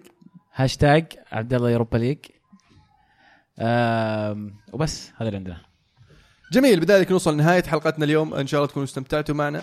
أحب أذكركم تابعونا على تويتر SoundCloud iTunes Snapchat إنستغرام ويوتيوب آه، إلى ال- ال- شو اسمه آه اللي عندهم iTunes. لا تنسون تروحون تقيمونا على iTunes. آه أعطونا خمس نجوم أنتم كرماء وإحنا نستاهل إن شاء الله. آه comment كذا طيب حلو. آه راح يكون جميل. وأحب أشكرك عزيزي محمد. شرفتنا اليوم. أشكركم على الدعوة استضافة جميلة كانت وأتمنى ان يعني بصراحة إنكم ترجعون تستقبلوني مرة ثانية. إن شاء الله والله. بيتك ومحلك والله يا أبو شامسي ما يحتاج أنت مكانك القلب والعين هين ولا خلي الحلقة على جنب. والله يا عبد الله صار لي ثلاث سنين ترى يعني أنا أحاول أدخل على الحلقة. شكرا ثلاث لك يا. عبد العزيز على الدعوة الشخصية اللي جتني اليوم. تكفى يا أبو شامسي الله يهينك. إذا ما عندك شيء تعال سجل معنا. فأنا بالنسبة لي أي وقت تبغوني يا شباب أنا موجود. أقول لك مرات دعوتك يا أبو شامسي لكنك كرشتني. لا، فمشيها لك هالمرة. وما قال لنا عزيز ترى إنه قال لك. قال لنا عندي واحد شلساوي جايبه؟ كلام يا لا خفت لو عزيز. قلت يمكن لو علمتهم يقول لا لا. والله أتوقع أتوقع الجمهور اليوم بيقدر, بيقدر اضافتي يعني المستمعين للحلقه لو سمحت. المستمعين يقدرون اضافتي للحلقه ومرة ثانية أشكركم على الدعوة وأتمنى إني أجيكم مرة يعطيك ثانية. العافية. والله مشاركاتك جميلة. وعشان كذا من زمان كنت أبغاك تشارك معنا لأن فعلا آرائك استمتع فيها وزي ما قاعد بدايه الحلقة النقاش معك دائما جميل. والله شفت تقول زي ما قال عبد الله بدايه الحلقة شنب الذيب بعد. والله لأنك شنب الذيب يا أبو ما فيك شك. والله. يعطيكم العافية يا شباب وما قصرتوا. آه نسوي تصويت يجي معنا مرة ثانية ولا لا؟ yes no question هاشتاج بالذيب. يعني صراحة أستحي أصوت قدامه خليه يروح. للمستمعين مو بلك التصويت. okay. أنا أقبل في المستمعين ما عندي لا مشكله نسوي تصويت المستمعين. شنب الذيب نستقبله مرة ثانية ولا؟ كانت الكره معنا الكره معنا فما علينا.